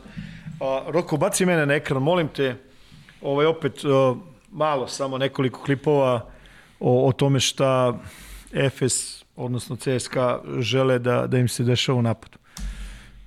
Palac, ovaj, ovo su neke osnovne opcije u, u napadu koji Tudis već godinama igra ovaj, u tom nekom early, early offensu gde, gde se praktično prenosi ono lopta sa jednog na s prvog na, na, na, na drugog sekundarnog ovog ball handlera i igra se taj pick and roll u rasporedu koji širok ostavljaju roleru mnogo, mnogo prostora. Evo ponovo ovaj, te iste situacije gde za Lundberga ovog puta vidimo da ja mislim da, da, da upravo ovako kako Šanli igra da će tako i biti unutar ovaj unutar reketa odnosno u ove odbrane u, u, u pick and roll, da. da.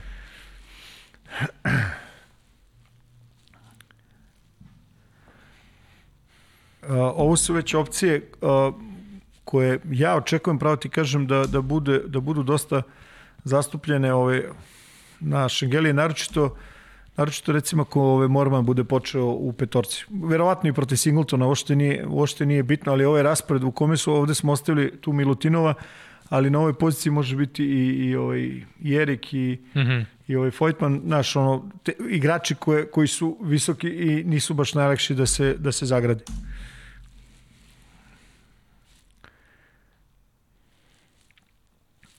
A, s druge strane, pričali smo o tome, znači, Clyburn i mimo i mimo ovaj napada, naročito to je pokazao ovim ovoj seriji protiv Fenera, ta, ta njegove izolacije na, na, ovaj, na low postu i ovo je ono što može da zabrinjava Atamana, znači momenti kada je Simon na 3, Clyburn na 3. Uh -huh. I mislim da ćemo morati da vidimo neke od, od rešenja da vidimo šta je to spremio Ataman za... Kruno kada, kada je meni bio gost ovaj, je pričao da, da mu je Clyburn najomraženiji igrač protiv, za čuvanje. Da.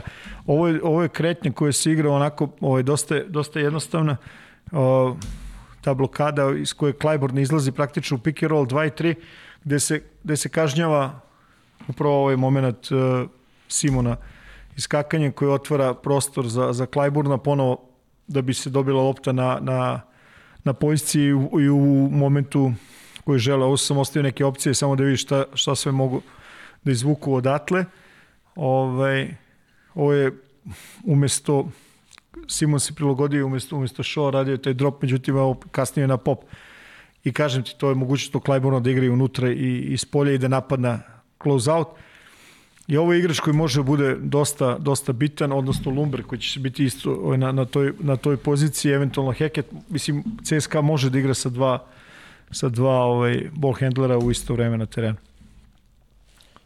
E sad, pitanje je da li tu i Anderson kao opcija može nešto da bolje da uradi na Clyburnu. Pa kažem ti, Tako to je, da, ne, ne, to je ta dilema da li će, da li će zbog, zbog toga morati da ima nešto više minuta mm -hmm. nego što je uobičajeno. Ovo je opet ta situacija sa tom pick and roll na četiri, gde je petica, ove, ovde vidimo na, na čelnoj liniji otvara mnogo, mnogo prostora ako igrači sa četiri mogu da napadnu, takozvani close out.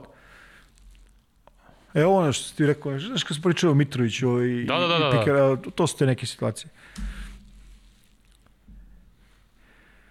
Uh, ovo je praktično isto, samo posle blokade i, ove, i ovde vidimo Šengeliju koji takođe možda igra i unutra i spolje, verovatno je ta njegova unutrašnja igra možda, možda i kvalitetnija od spoljne. Ovde vidimo klasičan ovaj uh, pik sa peticom na vrhu i pop, Vojtman, ostavio sam te tri neke opcije i ovo je, kažem ti, vrlo će biti zanimljivo kako će recimo tretirati igrača na sa loptom ovaj Efes.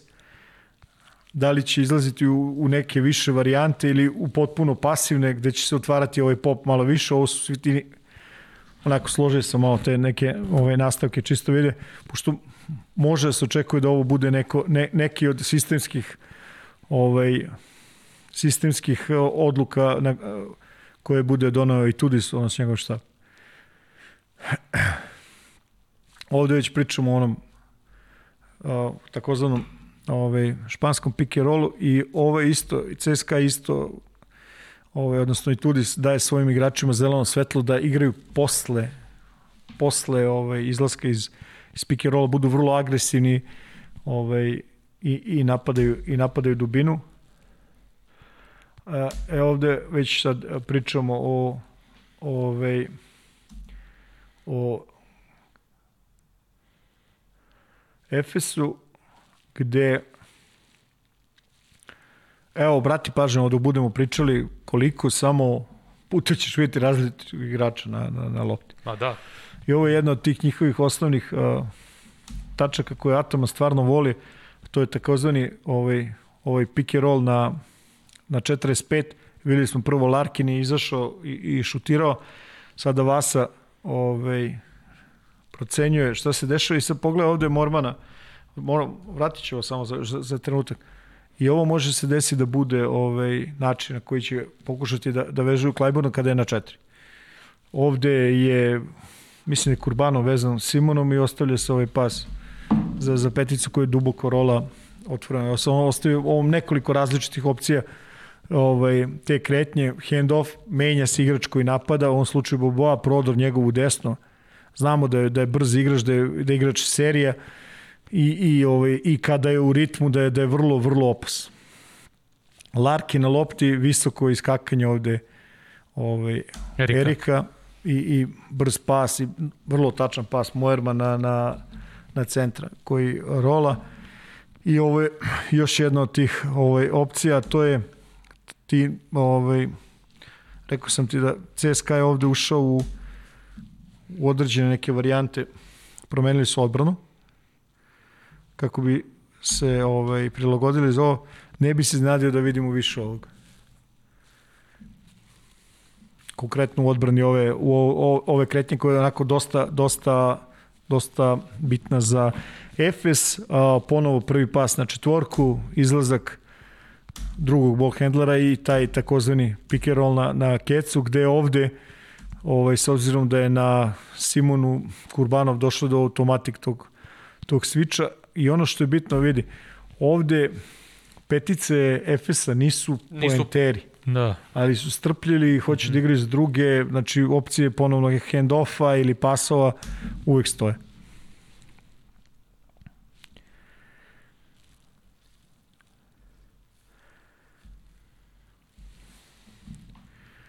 Ok, ovo je nešto što je pokazao takozvani vik na ili usmeravanju na, nazovi slabiju stranu, da. usmeravanje od, od pick and rolla ovaj, na, na centralnom pick and rollu i sad ovaj raspored ovde koji vidiš praktično Šengeli ovde međutim ovaj Mojerman će ga pomeri Vasa vrlo strpljiv, promena ugla blokade sa Dunstonom i evo vidi koliki je to sad prostor ovde ispod koša i praktično ovaj primorava se igrač na da imamo jednog na strani pomoći da rotira, odnosno donese odluku između odbrane Zicera i šuta. I šuta da tri. Jest. Isti, isti primer iste odbrane i samo sam ovde ostavio nastavke da vidiš šta, šta Ataman radi u ovim, u ovim slučajevima, prenos lopte i taj handoff i brzi rol, brzi rol petice. Uh, pick and roll na vrhu i takozvani rip, blokada rip screen za, za, za, za Larkina i odatle izlazi u odatle izlaze u pick and roll. Da, nema Mike Jamesa, nema Milutinova, ali mislim da, da će biti ovo ovaj, odluka i Tudisa da brani ovako. Vidiš Kurbanova na prvom dodavanju. Uh mhm. -huh. e.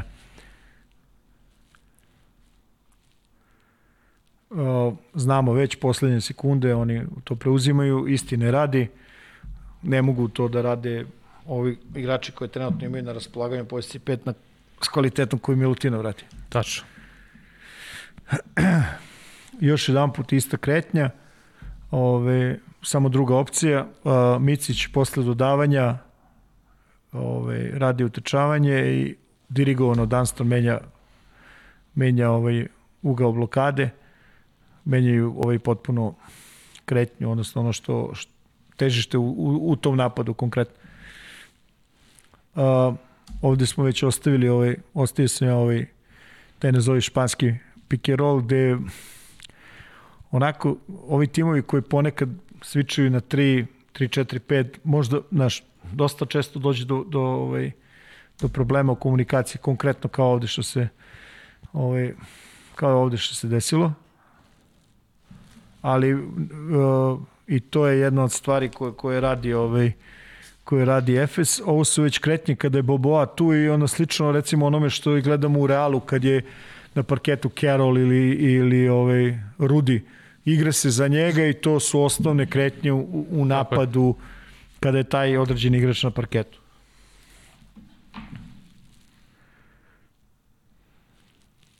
Ovo je jedna od tih varijanti, jedna od, tog, jedna od tih postavljenih napada. Ovo je druga gde Boboa izlazi na, na, na, na, na jednu bilo koju stranu, posle prima loptu i prima te blokade uz, uz čeonu liniju, praktično ponavlja kretnju i, i ono što se kaže brzinom nogu pravi, pravi prednost i problem je za, za većinu timova za većinu timova u Evropi je da, da odgovore toj njegovoj brzini. I ovo je treća varijanta, ovo je vrlo zanimljiv ugao blokade i, i ono što, što može da se igra sa Šanlijem, međutim ne i sa eventualno Splajsom, ali nikako sa Dunstonom. Sa Dunstonom, da. I to bi bilo to, onako u neke kratke, da, da skrenem pažnju ljudima na nek Šta bi mogli da gledaju? Pa da, mislim daleko od toga da je to kompletan prikaz onoga što radi ovaj, ova četiri tima, ali eto, pošto ti znaš, pričali smo sto puta, ja stalno imam neki utisak da peglam s ovim analizama, ali ono, možda neko i voli da gleda, šta ja znam. Ovi što slušaju sigurno ne vole. Ovaj, tako ali, je, da. tako je. Šta da radi? Ali vidi, dali smo svima opciju, znači u svakoj varijanti možeš da preskočiš deo koji nećeš, tako da bar je to lako. Nije kao nekada ono da si na VHS-u pa moraš da ubrzavaš, pa da vraćaš, pa ovo, pa ono. Tako da sad je to bar lako, mislim, generalno ima za, za svakoga za, za svakoga ima da se zadovolji šta, šta mu treba, šta želi da čuje i da vidi. Tako Iako da... bi mogao ti kao predstavnik ovaj, medija da najaviš naša dva ovaj, gosta da. za ovu o, epizodu i da mi zatvaramo ovu. Mogli bi, re, realno Ajde. bi mogli. Ajde. Ovaj, e, dobro, znači, s obzirom da nam je glavna tema bio Final Four, želja nam je bila da da dobijemo ovaj ljude koji će učestvovati na tom Final Fouru, tako da uh, ćemo imali, imati prilike da pričali, pričali smo sa Vasom Micićem i sa Vladom Micovom, ovaj, koji su uh, igrači Efesa i Milana i igraće na, Dobro, na tom Final pokušali smo da dobijemo da. još neke druge, nadamo se da ćemo pričati sa tim nekim igračima koje smo pokušali da dobijemo da. za ovu epizodu u nekoj sledećoj. Ovaj, ali dobro, razumemo da razumemo obaveze i trenutak u kojima se ti igrači nalaze. Apsolutno, Tako da, da, ono, što se kaže, žao nam je, ali do sledeće prilike. Da, da, da. Ovaj, tako da, eto, popričali smo malo ovaj, sa, sa njima dvojicom, e, obojica su nam izašli u susret na putovanjima, ovaj, odmah da kažemo da je ovaj internet u Gaziantepu katastrofa, da, da je Vasa imao dosta problema, ali uspeli smo, tako da izvinite ako je malo ono, bude nekog seckanja, jednostavno takva je bila situacija. Radio nas je sve vreme, prenko sobom. Da, da, da. Ovaj, Vasa je bio u Gaziantepu, Vlada je bio u Trentu, ovaj, pred njihove play-off utakmice četvrtfinalne, ovaj, tako da, e, onako, napravili smo neko bili su vrlo analitični, Vasa je dao dosta nekih ovako interesantnih uh, pogleda na, na, na stvari i na Final Four, tako da preporučujem toplo da, da pogledate ove, ove dve priče, ova dva intervjua, a mi vas do naredne epizode pozdravljamo, u narednoj epizodi ćemo analizirati već ono što se desilo u polufinalima ovoga uh, Final Fora, pričat ćemo malo o NBA-u, a za finale šta ćemo, Džile, smislit ćemo, ne znam, ne uklapa nam se u termin finale posle naše epizode. Pa da, ne, ne, nije to, da. Nabacit ćemo... Aba, za... imat ćemo nešto novi Aba da kažemo. Tako je, tako je, da. Smislit ćemo nešto. Smislit ćemo nešto. Dobro, što se tiče ove epizode, toliko, čao, pozdravljamo vas.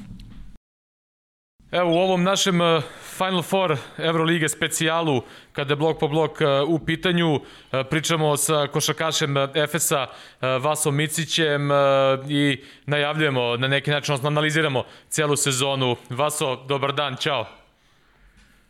Dobar dan, dobar dan. Svim u studiju i e, nadam se da će gledalci uživati u ovoj emisiji. Ako nas internet posluži. Ako nas posluži internet. Ga, Gaziantep internet. Vasilis, kako? Gaziantep radi svoje... Dobro, hvala na pitanju. Nadam se da ste vi, uh, ako ne kao ja, i još bolje. Da. Ove, ovaj, evo sezona polako ulazi, ono što se kaže, već u samu završnicu. I generalno, iskreno da ti kažem, nismo te zvali, te pitamo za Gaziantep.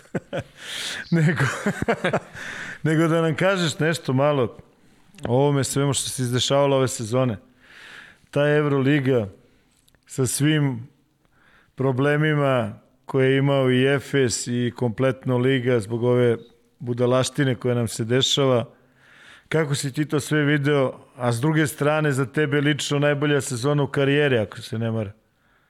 Barem po nekim brojkama i po načinu na koji igraš i koliko si bitan za ekipu FS.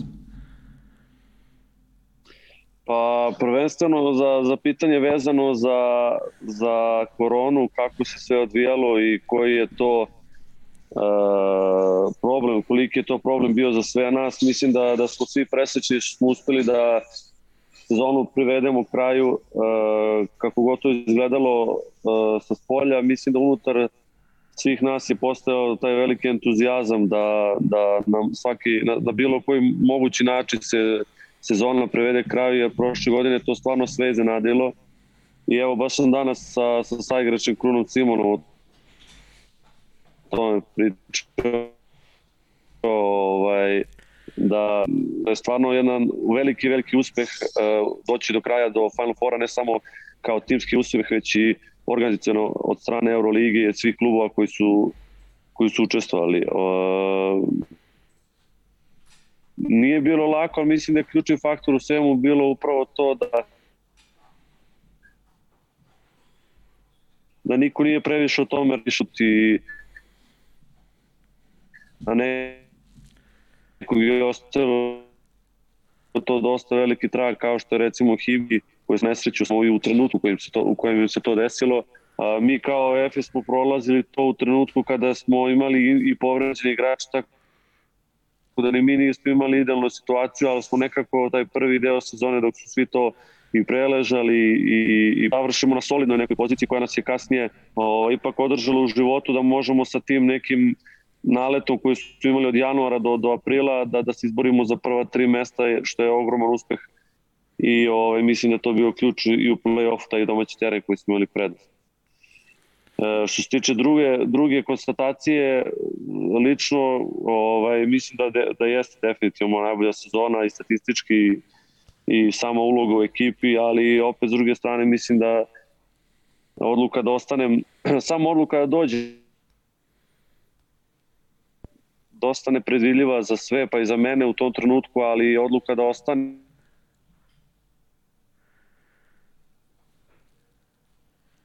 da nakon te jedne solidne sezone nije to dovoljno da bi se odmah odlazilo na novi nivo, pa ovaj, da to bio Real ili ne znam ko je tada u tom trenutku bio u priči i da se to dobre sezone, dve, dve konstantni, ova treća koja je došla kao plod svega toga i tog rada koji je uložen i zaista sam srećan sa, sa postignutim do sada, ali ništa nije gotovo, pa idemo dalje.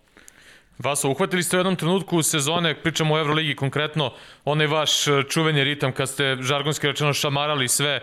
Meni je to bilo nekako fascinantno. Vi dođete bez ikakvog loženje u nekim prenosima sam ono uporedio negde sa Golden Stateom gde svi vide vaš, vašu napadačku genijalnost, a niko ne spominje vašu defanzivnu, defanzivnu stranu u koju odradite vrhunski, a za razliku Golden State-a vi to onako nekako mirno dođete, odradite, dobijete 30 razlike i, i odete kući. Ka, šta je bio plod, odnosno šta je dovelo do toga da uhvatite u tom trenutku tu formu i ovi, ovi porazi od Reala, ovi neki preokret, da li vam je to bila neka onako prava opomena pred, pred start ne bukvalno opomena, ali da su vam pokazali da, da, da, da ipak neko ima rešenje za, za vašu genijalnost. A s obzirom da ste malo seckali u toku pitanja, moram da zaključim sam šta je pitanje bilo, ali pretpostavit ću da je pitanje bilo kako smo uhvatili taj ritam i šta je bio ključ. Pa prvi deo sezone stvarno ruku na srce, ja ne volim da tražim izgovore nikad u životu jer mislim da svako se očava u životu sa nekim. Ali mi smo imali objektivne probleme, počeši od Shane Larkina koji je stvarno došao rovit u sezonu. Uh, Brian Dunston je doživao nesreću tom povredom oka kako ga je neko u prvom kolu, drugom, ne znam ja kom se po oku. Ovaj, pa je onda bio van terena, taman kad je uhvatio ritam. Onda Moerman, Boba su dobili kronu u isto vreme faktički smo stalno kuburili s time, a ja sam i prethodnog, prethodnih sezona govorio da mi kada smo svi na okupu i kada smo koncentrisani za svaku narednu utakmicu, a ne mnogo da razmišljamo u budućnost, da smo stvarno opasni, jer onda svaki igrač indijalno je perfektno spreman za utakmicu i moguće da i pored rošeg starta utakmice možemo da izvučemo pobedu, a kamoli kad smo u nekom ritmu da to, da to mnogo bolje izgleda. Stvarno je tako bio prvi deo sezone. Ovo, ovaj, mnogo je velika negativa bilo u ekipi, jer se dosta pričalo o toj prošloj sezoni kako nam je nešto uzeto, kako nam je neka nepravda učinjena, da ja mislim da je to veliki problem bio za sad ekipu i o, ja kao jedan od bitnih igrača sam to dosta osjećao jer sam ja negde ušao u tu kolotečinu i davao stalno sve od sebe, a kao da nije bilo dovoljno. I onda eto kad smo izgubili 30 razlike od CSKA, seli smo u hotelu i pričali o svemu najotvoreniji i shvatili da u stvari to je ista ekipa, da smo mi svi isti tu i da je sve u redu i da je i sistem isti, da nema potrebe da upiramo prsti jedni u druge, već da počnemo da verujemo jedni drugi. I ovaj, nismo stvarno ni mi očekivali toliko dobar zaokret što se tiče forme, ali e, ja mislim da smo mi jedina ekipa u Euroligi e, dok nije otišao James iz CSKA koja toliko ima talenta da mnogo brzo može da uhvati taj ritam. Jer ima puno talenta, jako je teško predvideti našu igru i da kogod uđe u bilo kakvo samopouzdanje mhm. malo više od očekivanog, to je već ekstra kvalitet koji donosi veliku prevagu na terenu, a kamoli kad uđu 2, 3, 4 igrača u takav ritam. Tako da mislim da je to bio ključ taj, taj decembar kada smo izgubili od CSKA i kad smo shvatili da to mora da se što pre ovaj, e, promeni kod nas e, lično, pa onda naravno i od strane stručnog štaba i da smo to u stvari mi jedna homogena jedna zajednica. Što se tiče to šta je prevaga u našoj igri, apsolutno se slažem da, da je odbrana bila najvažniji faktor tako dominantnih utakmica koje smo imali. Jer uh, moj zadatak kada sam dolazio u Efes je zapravo bio taj da sam ja iz sistema Šarasa, Tera Eskiviće sa sadašnjeg Barcelone, upravo doneo tu jednu notu, a to je ta odbrana koja je redkost inače za, za, za Efes ikada bila da bilo koji bek koji dođe voli da igra odbranu. Obično dođu neki skoreri koji vole samo da igraju napad i ja sam tu vidio i svoju šansu i zajedno sa Dunstonom smo od prve te sezone počeo da damo jednu boju, imamo i defanzivnu kvalitetu, da možemo da pokrenemo ostatak ekipe koji uvek može da igra dobro, samo nemaju samo inicijativno tu želju. To je bilo upravo u tom drugom delu sezone gde smo, gde smo stvarno mleli protivnike i onda taj talent u napadu je dolazio dosta više do izražaja jer imaš, imaš dodatno samopouzdanje. Znaš da možeš da zaustaviš najboljeg napadača, dva, tri najbolje napadača i to konstantno i kad pogledaš rezultat stvarno su bili dominantni utakmice. Što se tiče Reala, Uh, I tu smo, do, tu smo ovaj, doživjeli nešto što se meni iskreno, naravno niko ne voli da gubi, ali meni se tu svidelo da shvatimo da, da taj moment nošalantnosti koji nas se pojavio nakon druge utakmice, to da smo napred već na Final Fouru je bio trenutak otrežnjenja jer smo morali da osetimo tu, tu gorčinu poraza, uh, ne želeći, naravno, mi smo igrali sve, sve utakmice na maksimum, samo taj period gde smo gubili matene dobijene utakmice, upravo ta jedna ležernost koja se desi neobjašnjivo. Ovaj, misliš da si već završio, ajde samo da otaljamo i 2-3 minuta. Takav sam ja im utice kad gledam utakmicu. Međutim, -hmm. ono što je važno bilo, da pored svih tih nekih trik odbrana koje smo mi kao se susreli ovaj, od strane Reala, mi smo zapravo imali svakom trenutku po 15-20 pojena razlike, da. što je bilo dobro za nas da kad pogledamo utakmicu shvatimo da sve već imamo. Znači, ne treba sad tražiti neki dodatni odgovor, već treba samo znati da istraješ do kraja, do posljednjeg minuta i završiš utakmicu kako treba, to je da. pobjeda. I to je bio za petu, mislim da je to bio ključ, jer smo ostali, tako je, klasična egzekucija, pet bi u njihovu korist mogla da ode lagano, ali mislim da smo mi bili mnogo više u tom trenutku na terenu i istrajni do kraja, svi do jednog kod je koročena teren, pa čak sam da iskušao na kraju serije, odigrao vrh smo svi kao, kao Uh, hoćeš ti da mu kažeš na kraju smo ga nešto ja, slabije, nešto slabije smo te čuli. Nadam da ste me čuli, a i tu se... U, u najvećem delu jesmo čuli samo ovih poslednjih ja, par da sekundi. Da pono... Ne, ja mislim da si rekao za Plajsa da i Plajs na kraju ušao, on sa onih 5-6 minuta na kraju sa onom sjajnom. Pretpostavljam da si to rekao ovaj, Jest. Da, jeste, da, samo taj deo je malo slabiji. Koliko je svaki igrač bio koncentrisan na, na samu utakmicu i na to da se odigra do kraja, a ne da čekamo da sudija odsvira kraj i onda da mi budemo okay. srećni što smo pobedili. Stvarno je to bio ključni faktor, malo ko fraza zvuči, ali jeste, jer kad pogledaš obe utakmice u Madridu, mi smo dominirali tim utakmicama i onda odjednom se desi neki šok, a oni znaju da igraju tako, oni znaju da igraju do zadnjeg minuta, oni znaju da, da te umrtve, da ti umrtve ritam s tom zonom, napadom, Uh, ništa se tu specijalno dešava, ali ti prosto kreneš da ulaziš u tu monotoniju, njihov neki ritam koji je totalno suprotan od našeg yes. i kreneš da, da sumnjaš, da sumnjaš u šut, da sumnjaš u otvoren šut, a u stvari to su sve odlični potezi bili koji su bili samo bez egzekucije i to je to. Mi smo promašili šest otvorenih šuteva u trećoj utakmici za redom, na, na deset razlike. To je, je. igrački, a opet moka, ako kreneš previše da razmišljaš ulaziš, da odeš, to je suvišno. Tako da mislim da smo samo osvatili to je to, u ovom trenutku smo bolji i treba tako da pristupimo i, i bilo je, bilo je ovaj, napeto, ali hvala Bogu se završilo kako treba. Vidi, tokom cele sezone meni je ovaj, onako iz trenerskog nekog ugla mi je fascinantna ovaj, ta vaša dubina, da tako kažem. Ovaj, znači, uošte način igre sa ta, ono, mi stalno ovde pričamo, to ponavljamo, sa četiri ball handlera, gde praktično ono, na lopti igrate i, i naravno ti i Simon i Boboa i, i Larkin u zavisnosti ono možete mešate ovaj, uh, bukvalno uloge nekog dominantnog ball handlera u odnosu na nekog drugog i tako dalje, pa onda ovaj, ta, ta činjenica da imate tokom sezone generalno ovaj, turski uh, igrač Šanli, je tako? Jesam dobro to... Šanli. Jeste, jeste.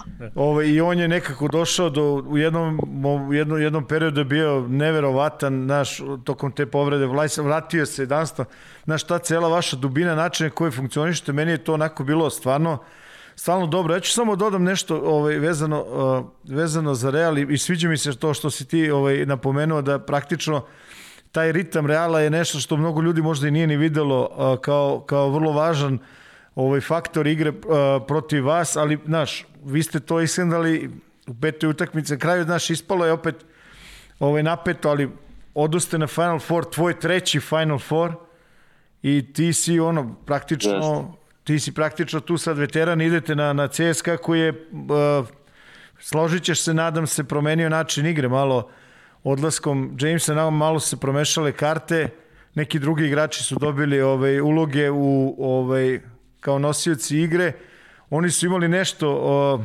lakši posao dolaska do Final Fora s obzirom da u svojoj playoff seriji su imali nešto, iskoristili su prosto probleme koje ima, koje ima Fener u tom momentu, ti o tome isto znaš, svi, svi, svi znamo to, ali generalno sad ono svodi se utakmica, svodi se praktično evroligaška sezona na, na tih na tih 40 minuta. I ono ako sam ja dobro shvatio, vi ste sad u ovom momentu potpuno spremni da završite neku priču koju eto je počela već 2-3 godine. Ja pravo ti kažem, meni se mnogo sviđa ideja vašeg ljudi koji vode tim i, i vašeg trenera da, da pokušava da drži vaš tim što više na okupu. Vi ono ne menjate sastav Znaš, igrate dugo zajedno i to se prepoznaje u igri. To se sigurno prepoznaje u igri. Pa jeste, ovaj, što se tiče konkretno uh, uh, uh, CSKA klinika u ponalu stila njihovog tokom sezone evidentno da je drugačije u ovom posljednjem trenutku, to je posljednjih meseci i po dana od kad se sve izdešavalo sa njima mimo toga Mike Jameson ima mislim da možda veći defekt u ovom trenutku na igranje Milutinova, ovaj, koji je po mom mišljenju izvaredan, izvaredan igrač. Uh, iako iz mog uga gledano ja stvarno od tog trenutka kada sam igrao kod uh, Jaskivićusa uvek sam bio kao zadužen za te najbolje ball handlere da ih čuvam. I stvarno uh, Mike James je stvarno jako, jako talentovan igrač koji je čudan, to je takav je po prirodi, ali mislim da u jednom trenutku do njegovog ovaj, sukoba sa, sa i Tudisom je bio potpuno fokusiran i koncentrisan na sezonu i on je u tom trenutku stvarno jako opasan igrač. Znači kad je on u, u, u koncentraciji, kada on zna da, da, da, da donosi prave odluke na terenu jer ima jako puno ovaj, oružja što se tiče napada, čak i u odbrani kad hoće možda bude jako nezgodan jer je fizički mnogo dominantan i brz i skočan. Uh, ali jednostavno ima taj prelaz koji je, to je neobjašnjivo još iz doba Milana, ovaj, koji to treba trener da zna da hendluje i mislim da je tu isto dobro hendlovalo, u jednom trenutku izgleda da to preraslo u neki haos koji, koji je, nije mogo da, da, da istrpi ni trener ni, ni tim. Ali što se mene lično tiče, za tu jednu utakmicu i igrajući taj Final Four, uh, uh, mislim da je po njih bolje da on igra. To je sad moje u ovom trenutku mišljenje, jer takav igrač sa 40 minuta, kao što recimo kod nas možda Larkin,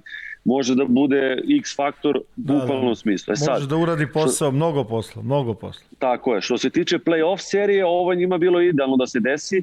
Zbog čega? Jer oni igraju tvrdo, oni igraju jako, znaju sistem, isto je tim dugo godina zajedno.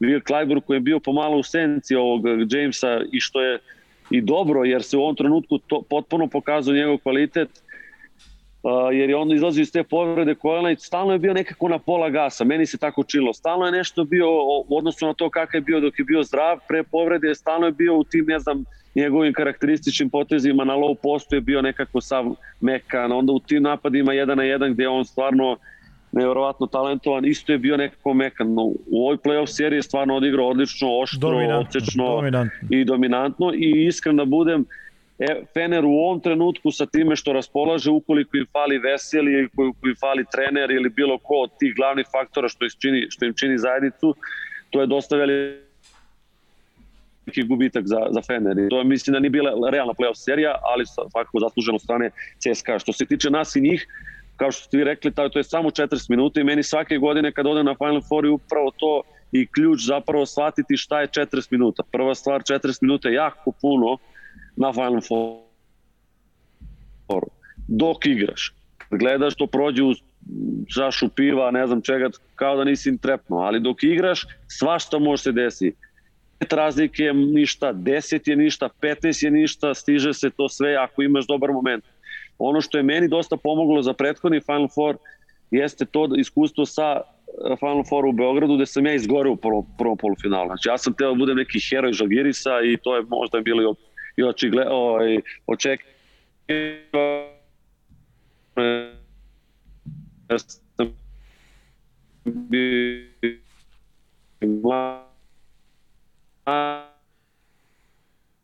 nisam ja toliko u petorci, nisam dobro. Krenuo da igram prošli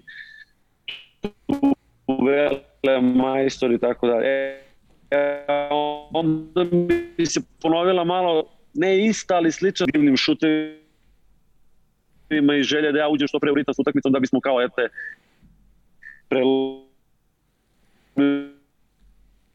utakmicu prvi 5 minuta. Tako da sva ta iskustva su for da bude miran, jer taj mir na terenu je upravo ključ da bi ti donao prevagu i bitne pote, uh, donao prave poteze u bitnim trenucima. Tako da to s moje strane gledano meni lično mnogo znači, ali sam faktor iznenađenja na Final Fouru je prosto nemoguće predvideti, jer to je to su stvarno dve tekme što i donosi tu draž zapravo, jer u playoff serija mislim da bi to totalno bilo drugačije i ne bi, ne bi bilo toliko zanimljivo. Da, ali ima ovaj, upravo to što si rekao, znaš, tokom sezone bilo Tako je utakmica... da, to je moje neko viđenje svega, to je. Da. E, recimo, tokom, utak, tokom, tokom sezone ovaj, imao si ti utakmice koje možda nisi počeo na način na koje bi voleo, znaš, ali ovaj, boga mi, vadio si se onako tokom, znaš, definitivno sad je to tvoj kvalitet, ono, to je karakteristika, imaš tu mirnoću da se vratiš, da nađeš svoj ritam da pomogneš ekipi je najbolje ovaj, što možeš u tom nekom trenutku. Ne uvek napadom, to je upravo ono što pričamo stalno, možda je taj deo ovaj, tvoje igre u defanzivi, možda ga ljudi onako brzo ovaj, previde, ali pravo da ti kažem ove godine onako, ne mogu da se setim neke utakmice da kažem da si ostao dužan ovaj, ljudima koji vole Efes ili uopšte ljubiteljima košarke. I ono, ta stabilnost cele sezone, to... ta stabilnost da, cele da, sezone je, je vrlo važna. Ti to znaš, kapira da osjećaš, se... znaš. Tako. Tako. Što se toga konkretno mislim da je to za, za playmakera najveća motivacija, ako postoji neka motivacija dodatna, a opet i možda najteži posao jeste biti konstantan u kontinuitetu ovaj, i imati tu smirenost na terenu da može da se vratiš, pogotovo znajući da moj tim generalno, to jest ne moj, nego FS kao ekipa, eh, mi nemamo pravog lidera od strane trenera u tom pogledu da on može nas da konstantno postavlja u situacije da kad su nama vruće glave da nam on predloži neki brzi napad u kojem mi možemo da se smirimo, damo lagan koš, nego mi smo konstantno u izazovu da mi to moramo sami da hendlujemo. I onda je taj izazov sami tim i veći i ako ne znaš što da kontroliš, ako nemaš samo kritiku dovoljno tokom utakmice ili taj osjećaj uh, hrabrosti da doneseš neku odluku koja je u tom trenutku možda rizična, onda si u stalnom nekom raskoraku i onda i sam izgledaš lošije nego što možda jeste, jer nemaš toliko podršku od strane trenera u tim trenucima. Ako uzmemo u obzir da je on stvarno stao iza svakog od nas što se tiče slobode, pričam za glavni igrače u ekipi, to je onda nešto što je preostalo nama i to je ta zrelost koju bi ja najviše povukao sa paralelom od igranja u Žalgirisu gde meni Šaras to najviše pomogu. Da, da, da to manje je više u mnogim situacijama, iako to na terenu ne može da se često prepozna od strane možda gledalca, ali kad ne odigraš pre, prealavo za koš, do, dođe ti koš. Kad ne igraš, una, e, ne igraš preagresivno za, ne znam, prodor, prodor ti dođe. Tako sve se sa iskustvom to stiče i dolazi sve na svoje, ali eto, možda je to ove sezone najviše došlo do izražaja. Da ja ne bi ni zaboravio stvarno ni prethodne dve sezone s obzirom na ulogu, s koju sam, na ulogu koju sam dobio prilikom potpisivanja ovde, mislim da sam i prethodne dve sezone imao dobar kontinuitet, a da je to ove godine možda bilo najbolje i stvarno sam sreća zbog toga i to me najviše motiviše da, da radim na sebi svakog dana, da napređujem bakar 1% svoje igre, da to bilo u, u ne znam, na nivou karakteristika, mene to stvarno motiviše i, i sreća sam u toga. Eto, I drago mi da se to uoči sa strane. Vaso, i za kraj još jedno samo pitanje. Specifičan Final Four dolazi, pomenuo si tu 2018. da si pregoreo u želji da budeš heroj, pomenuo si ovaj neki overthinking i ostalo. Sada će biti specifična situacija. Na Final Fourovima, svesni ste i vi igrači i mi novinari, komentatori, svi smo u nekoj jurnjavi tamo, mi moramo da jurimo vas, vi ste pod pritiskom e, utakmica, svi vas vuku za ruka, ono ranije bilo iz, ne znam kad je ovde u Beogradu zovu svi za karte. Sad će biti specifična situacija, skoro da neće ni biti, publike neće biti, skoro da neće biti ni novinara, bit će sve nešto ovo što kažu remote, remote access. Uh, tako da sad će biti malo više vremena možda da budete tamo mirniji, da možda i malo više razmišljate o utakmicama.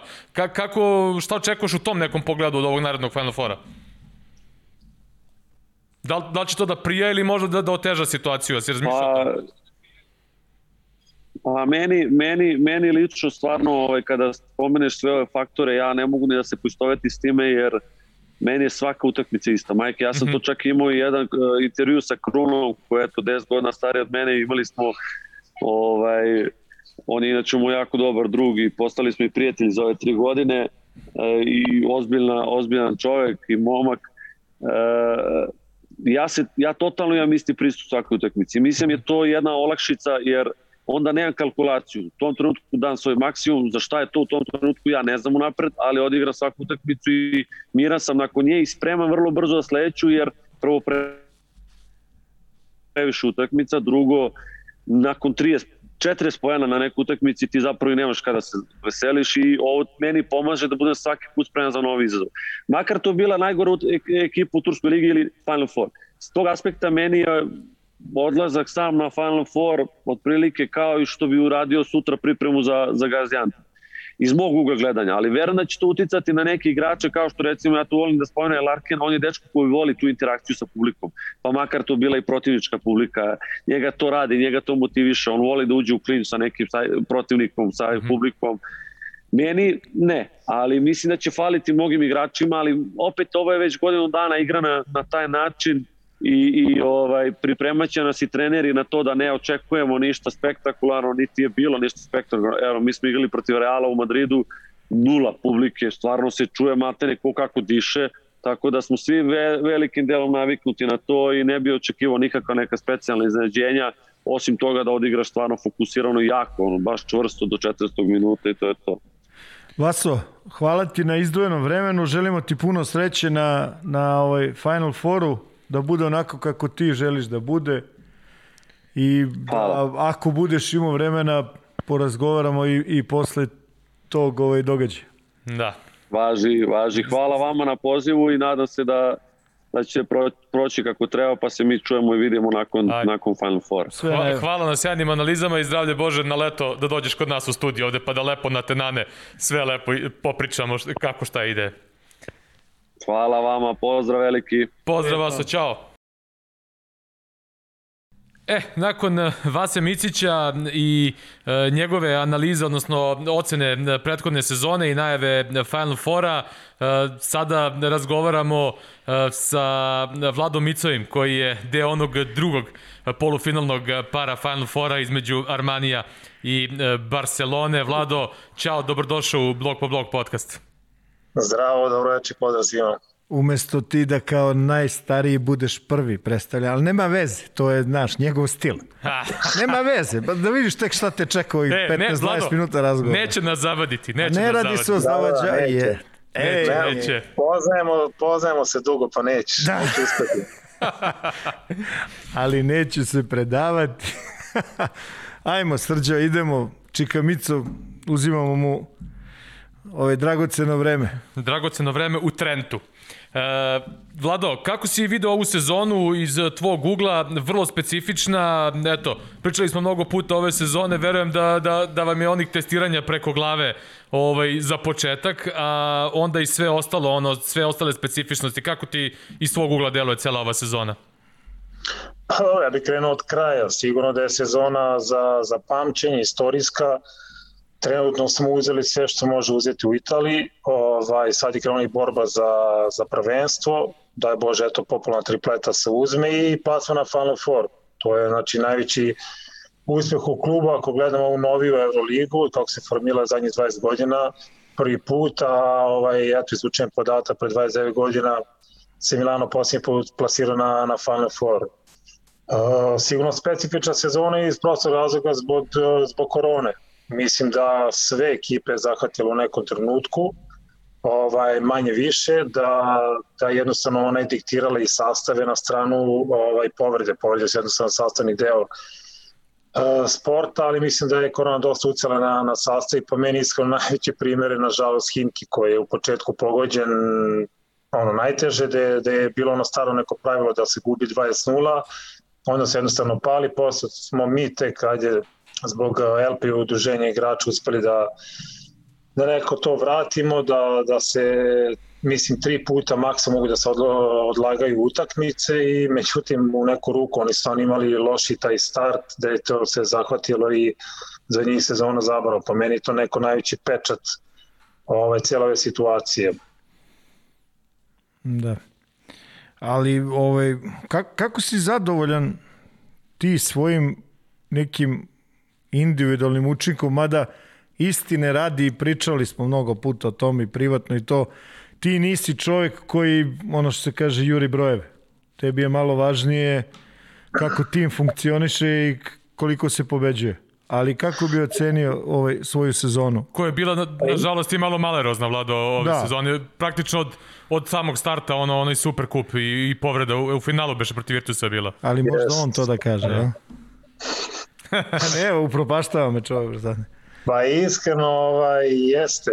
Ja sam ovdje govorio da je košaka naravno timski sport i da dogod ja budem moćao na terenu korisno, a mi pobeđivali da to je bilo eto i dva poena, ovaj, ja ću biti prezdodan. Uh, sad ako mora povući neku paralelu ove godine, eto što je Srki spomenuo, zadesile su me samo neke ozbiljnije povrede gde, gde u karijeri nisam toliko odsustvovao, znači na početku sezone sam bukvalno polomio levi lakat, eto to u finalu Superkupa, ostao sam skoro dva meseca, onda se vratio, onda sam imao koronu oko nove godine, pa još jedna mini pauza zbog uh, uh, daleko bilo znači problema sa srcem, ali sam jednostavno ovi kardio doktori rekli da, da se ono primirim još dve nedelje tako da je zajedno sa koronom tu sam izgubio mesec dana, onda sam se vratio nikad brže i odigrao četiri utakmice u 7 dana izvrnem zglob, jako u životu nisam izvrnuo zglob, tako da kad se podvuče crta, ono, dve povredi korona, katastrofa za mene, pogotovo u mojim godinama, da ja sam upravo napunio 36 godina i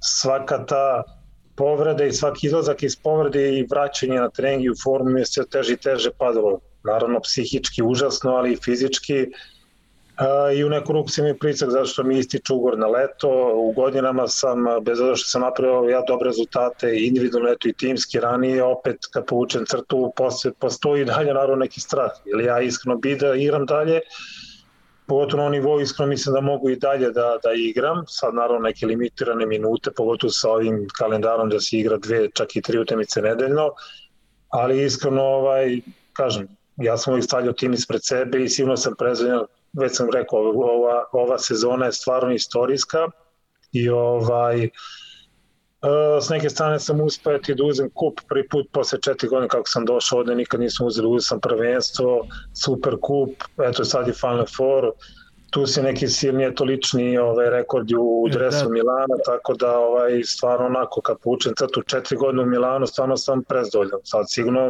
mislim sveta se na situacije da sam pred kraj karijere da su došli mnogo i mlađi igrači koji su brži i agresivni, ne znam, iskočni, željni i vamo tamo svašta nešto, tako da to, to je sasvim normalan splet okolnosti i ovaj, tako da kažem, dok god se osjećam dobro i fizički i psihički, ovaj, borit ću se naravno za, za neke svoje minuti, status i daj Bože novu ugoru u Milanu. Da, nisam teo da, da, ovaj, da nešto zameriš, ali baš mi je drago ovaj, što si spomenuo te svoje kako si sam rekao, istorijske neke ovaj, eh, brojeve u Milanu, jer prošao si praktično pa različita, različite neke stvari ove poslednje četiri sezone, ako ćemo da budemo iskreni, tako? Toliko si, koliko pa si Milan? Četiri godine, tako? Da. Pa da, on je četvrta, na, kako ja kad sam došao, bili su gospodin Livio Proli kao predsednik, bio je Flavio Partrupi kao GM i mnogo veliki broj igrača ko je došao, otišao, jednostavno bila je relativno pogrešna filozofija u smislu oni stalno nagoveštavali neki čuveni projekat da, da. gde svake godine naravno zahvaljujući velikoj znači podršci i ulaganju ovaj gospodina Đorđa Armanija uh, iskreno puno poteza je jednostavno pogrešno napravljeno gde pogotovo eto moju prvu godinu recimo dovedeno puno, puno igrača koji nisu igrali ni Evrokupa, kamoli Evroligu, gde su oni onako nagoštali neki projekat. Međutim, svaki put već u toku sezone gde su imali relativno loše rezultate, pričam o Evroligi, uh, oni su se već onako već tu oko nove godine okretali je sledeća sezona, sledeća sezona, projekat, da, da. rekao ljudi, mislim, šta sa ovom sezonom, i onda tako na kraju svake sezone otpuštali su dosta igrača, čak i sa vaćim ugorima, gde to iskreno bacanje para, jer morate doveti nove igrače, a su davali onako višegodišnji ugovor i ovaj, eto na kraju i Pjaniđani je platio tu cenu, čak i taj predsjednik koji je bio tu 10 godina i taj GM i ovaj, eto, doveden je Ettore Messina iz da kažem, povratak iz NBA u Italiju, dobio mnogo veću ulogu gde, iskreno ne znam ja kako da nazovem tu poziciju, neki kao sportski direktor, generalno ima odrešene ruke, i svu slobodu. Prošle godine je onako neki igrač čak i nasledio, ali ajde, šta bi bilo kad bi bilo, opet sezona završena u martu, ovaj, ali eto, ove sezone je generalno sastavio ekipu po svom ukusu i očigledno ovaj, je pun pogodak, pošto smo eto, opet da se ne ponjam kakve se rezultate već napravili. Da, pa imate onako jedan stvarno dobar miks, znaš, vrlo iskusnih ovaj, igrača, ima tu i nekoliko igrača koji može, ono, verovatno ih i čekaju i bolji ovaj, dani u karijerama, ali naš odlazak na Final Four posle toliko godina i to posle onakve serije protiv, protiv ekipe ovaj, Bajerna koja je onako dala svoj maksimum, mislim da je to stvarno bio jedan lep uvod za, za taj Final Four koji ste stekli ste pravo da nastupate tamo, mislim, ta serija je zaista, barem nama koji smo onako gledali vrlo pažljivo, bila posebna. Verovatno i tebi koji si bio, ono što se kaže, akter, bilo je od Bilo je svega u tom. Reklo bi se fizički vrlo zahtevna, a, a bilo je i ovih te stvari pored terena, da, što da, se bilo kaže. Je on the court, ko, off the court. Koji su i tokom regularne sezone bili na snazi, da tako kažem. Onako malo je začinilo se sve to. Završilo i na Twitteru, reklo bi se tada. Da. Pa dobro, što tiče fizički sigurno da smo odigrali maksimalan broj utakmica, a s druge strane što tiče tih nekih mali problema među Trinkiere i Messine, opet to ne bi da komentariše, svaki ima pravo na, na, na, na svoje neki ovaj neko svoje ponašanje, neke svoje odluke, ali ovaj sigurno da i to što se dešavalo toku regularnog dela među možda njih dvojice da opet malo ovaj, dovelo toga da, da u play-offu jednostavno svi motivišu svoje igrače maksimalan način da ne bili probali naravno da pobede, kako bi dokazali ovome drugome, eto, bolji sam, ne možeš mi ništa i tako neko, tako da iskreno mi jesmo dobili dve prve kući s tim što eto prvu smo se vratili iz mrtvi bukvalno od minus 19 i pobedili sa oni košom posljednje sekundi i mislim da, da smo tu možda dobili neki psihički ono puš u leđa, jer jednostavno mogli smo da, da idemo sa 1-1 u Minhen i ne znam, mi smo se iskreno opustili misleći da će biti lagano 3-0 gde naravno daleko da, da je tako i bilo, treću su nas jednostavno odučili od košarke, četvrto smo se držali samo kraja i da, opet ne da. shvati pad koncentracije i da smo izgubili. E sad, pet utamice jednostavno jesmo igrali kuće, ali u ovoj situaciji gde, gde je zbog korone jednostavno niko nema pravu prednost domaćih terena, nema navijača, ovaj, bilo je biti ili ne biti i mislim da smo odigrali iskreno dobar meč, gde je samo neverovatan pad koncentracije, oni minuti 20 sekundi. Pa, pa čak, čak nije ni minut 20, ono, bukvalno, bukvalno zadnji, poslednji minut, mislim. Da, 40 nešto sekundi je bilo, da. da.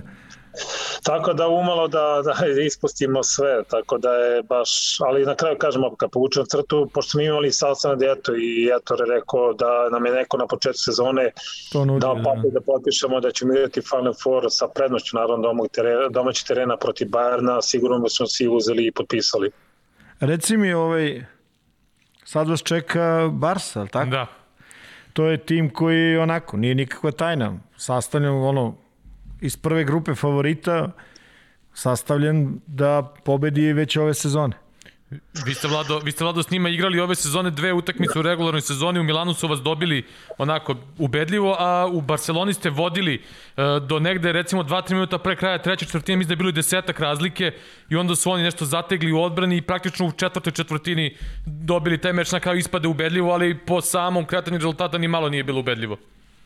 Jeste, baš tako. Kuću u Milanu su nas nadigrali, a tamo u Barceloni, sve se kod je bilo juče, smo voljeli do 35-36 minuta i ja sam bukvalo rekao sebi, čovječe, ovo je kraj, znači nevratno dobijamo Barcelonu na strani i onda kreće, znači neverovatan pad. Ja mislim da su napili seriju 25-2, gde se to meni u životu nije desilo mm -hmm. i ovaj, jednostavno, eto, krajnji rezultat, bukvalo ispade da su nas glatko pobedili, tako da ozbiljan, ozbiljan pad koncentracije i od strane stručnog štaba i od strane, sa strane naše, znači baš, baš katastrofa. Zadnjih tih jedno četiri minuta katastrofalne košake s naše strane, ali ovaj, eto, na kraju dve, dve ubedljive pobje Barcelone, pa jednostavno, kao što si rekao, napali su ekipu za, za osvajanje, doveli su jednog najbolje trenera, iskreno mislim mladog, znači veliki potencijal, mislim velika budućnost pred njima, ovaj, Šarasa da ovaj, posle 7 godina su oni isto na, na da. Final Fouru, tako da ovaj, s te strane neki imaju pritisak. Ali opet, ja sam rekao i u nekim ranijim intervjuima, uh, Final Four je specifičan po sebi, sve stavu u jednu utakmicu, tako da dovoljno jedan loš dan ili s druge strane jedan dobar šuterski dan, sve je moguće. Sigurno da ćemo se i mi oni naravno dobro pripremiti i svi imamo play-off ovaj, pred, uh, pred Final Four, svi će ući u već neku već neki ozbiljni ritam i taktičke zamisli, tako da kažem opet, sigurno sve stavi jednu utakmicu ko se dobro pripremi i ko, će, ko bude više skoncentrasaniji imaće više šanse. Da, fokus i energija će verovatno biti presudni u tih 40 minuta kao je mnogo puta. A, gde ja stvarno mislim da, da to neko iskustvo koje ima nekolicina tvojih saigrača i naravno ti mislim da bude vrlo, vrlo važno ovaj, u jednoj da. takvoj, da. nazovi, nokaut utakmici. Vlada, uh, Heinz, Delaney, Ćačo, ja sam još nekog zaboravio koji ima veliko iskustvo igranja Final Fourova. Da, tome. Da, tome, Gigi da tome, da. Da, tome, jest. Uh, kaži mi... Pa, uh, eto, nadam se će to presuditi, ajde ako mogu tako da kažem. Pa dobro, ne znam da će presuditi, ali jeste važno. Zenit je iscedio Barcelonu u, u toj prethodnoj, u toj četvrfinalnoj seriji takođe, ovaj, pokazali su ono kako se igra protiv njih. E, gde su vaše šanse, odnosno i vi ste to videli u toj jednoj utakmici, praktično da možete da, da igrate sa njima. Jel, jel Barsa neki od timova koji vam, koji vam možda da kažemo bio jedan od najvećih protivnika tokom sezone ili ili smatraš da da ovaj možete da igrate sa njima? Pa iskreno ta serija sa Zenitom me stvarno, da kažem, iznenadila u smislu Zenit je stvarno igrao dobru košarku, na mm -hmm. kraju jednostavno a, pao, izgubio je a, svoju poziciju da je do zadnje kola strepio da će ući u top 5.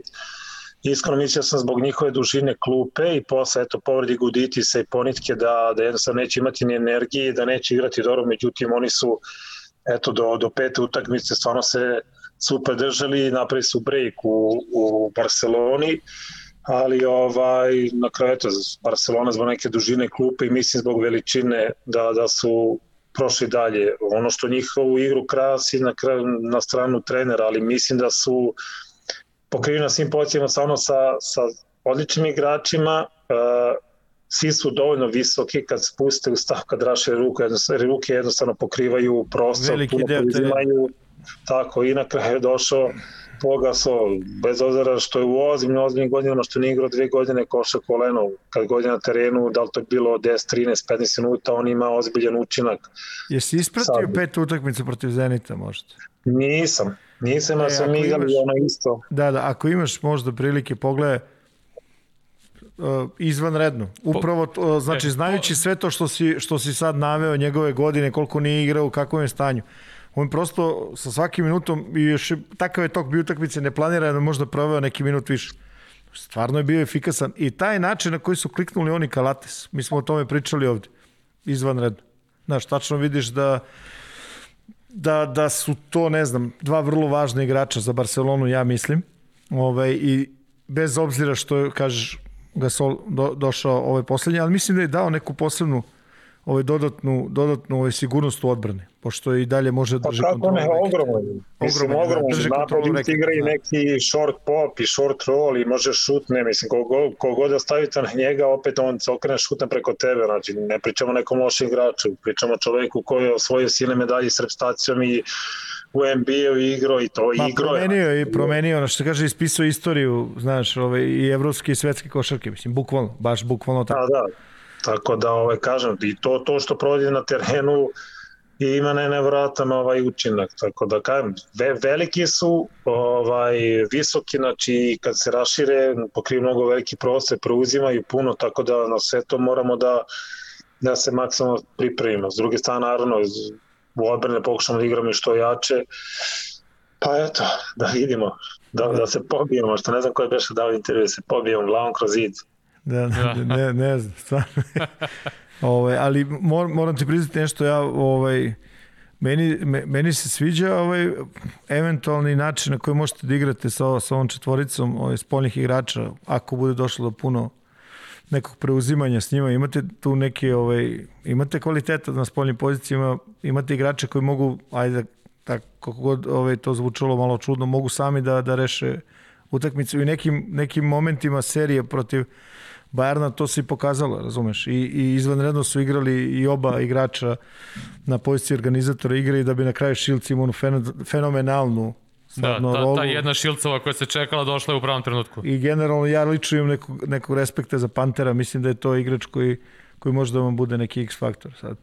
To je ono što se kaže sa, sa, sa strane, ove, e sad, ovaj, kao odgovor na, na neki od, od varijanti koje Barcelona može da ovaj, Pa jes, ja sam to govorio ranije, da upoređu na prošlu sezonu da smo napadački mnogo više agresivnije, da imamo stvarno oružje kogod je na terenu, to je kogod petorka, sa svih strana ovaj, preti opasnost. Prošle godine nismo imali baš tu iskrenu mogućnost, a u odbrani s druge strane možemo mnogo više da preuzijemo mm -hmm. i više smo, da kažem, atletska ekipa, mnogo smo brži brži igramo. Imamo dosta igrača koji mogu da reše i to preuzimanje, jedan jedan i izolaciju popularnu, ovaj, jednostavno imaju taj neki killer instinct da, ovaj, da, da, da, da igraju da pogađaju ti preko ruke iz driblinga, što što znači naravno. Sigurno je dodatna vrednost. stane napad, tako da ovaj jednostavno Oni izmisle poene.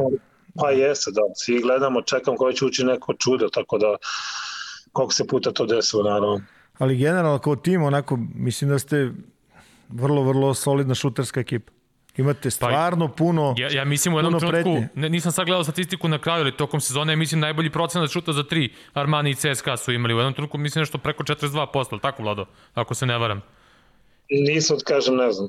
Da, tako nešto je bilo, da, u jednom trenutku sezone. Ne znam sad posle play-off serije, ali tokom regularnog dela sezone je bilo tako. Ove, Vlado, hvala ti na, na izdvojenom vremenu, da ti poželimo sve najbolje u, u, na, na Final Fouru pa da bude ono što se kaže, to smo rekli Vasi, mora ti priznalo da bude kako ti hoćeš. Da. pa eto, ako sve bude kako treba, da, da ako prihvatiš, budeš onako i naš sagovornik i, i neki sledeći put. Hoću, naravno, bez problema. Hvala, hvala na željama. Hvala Vlado, čao, sve najbolje. Sve najbolje, prijetno. Ćao, ćao. Ćao.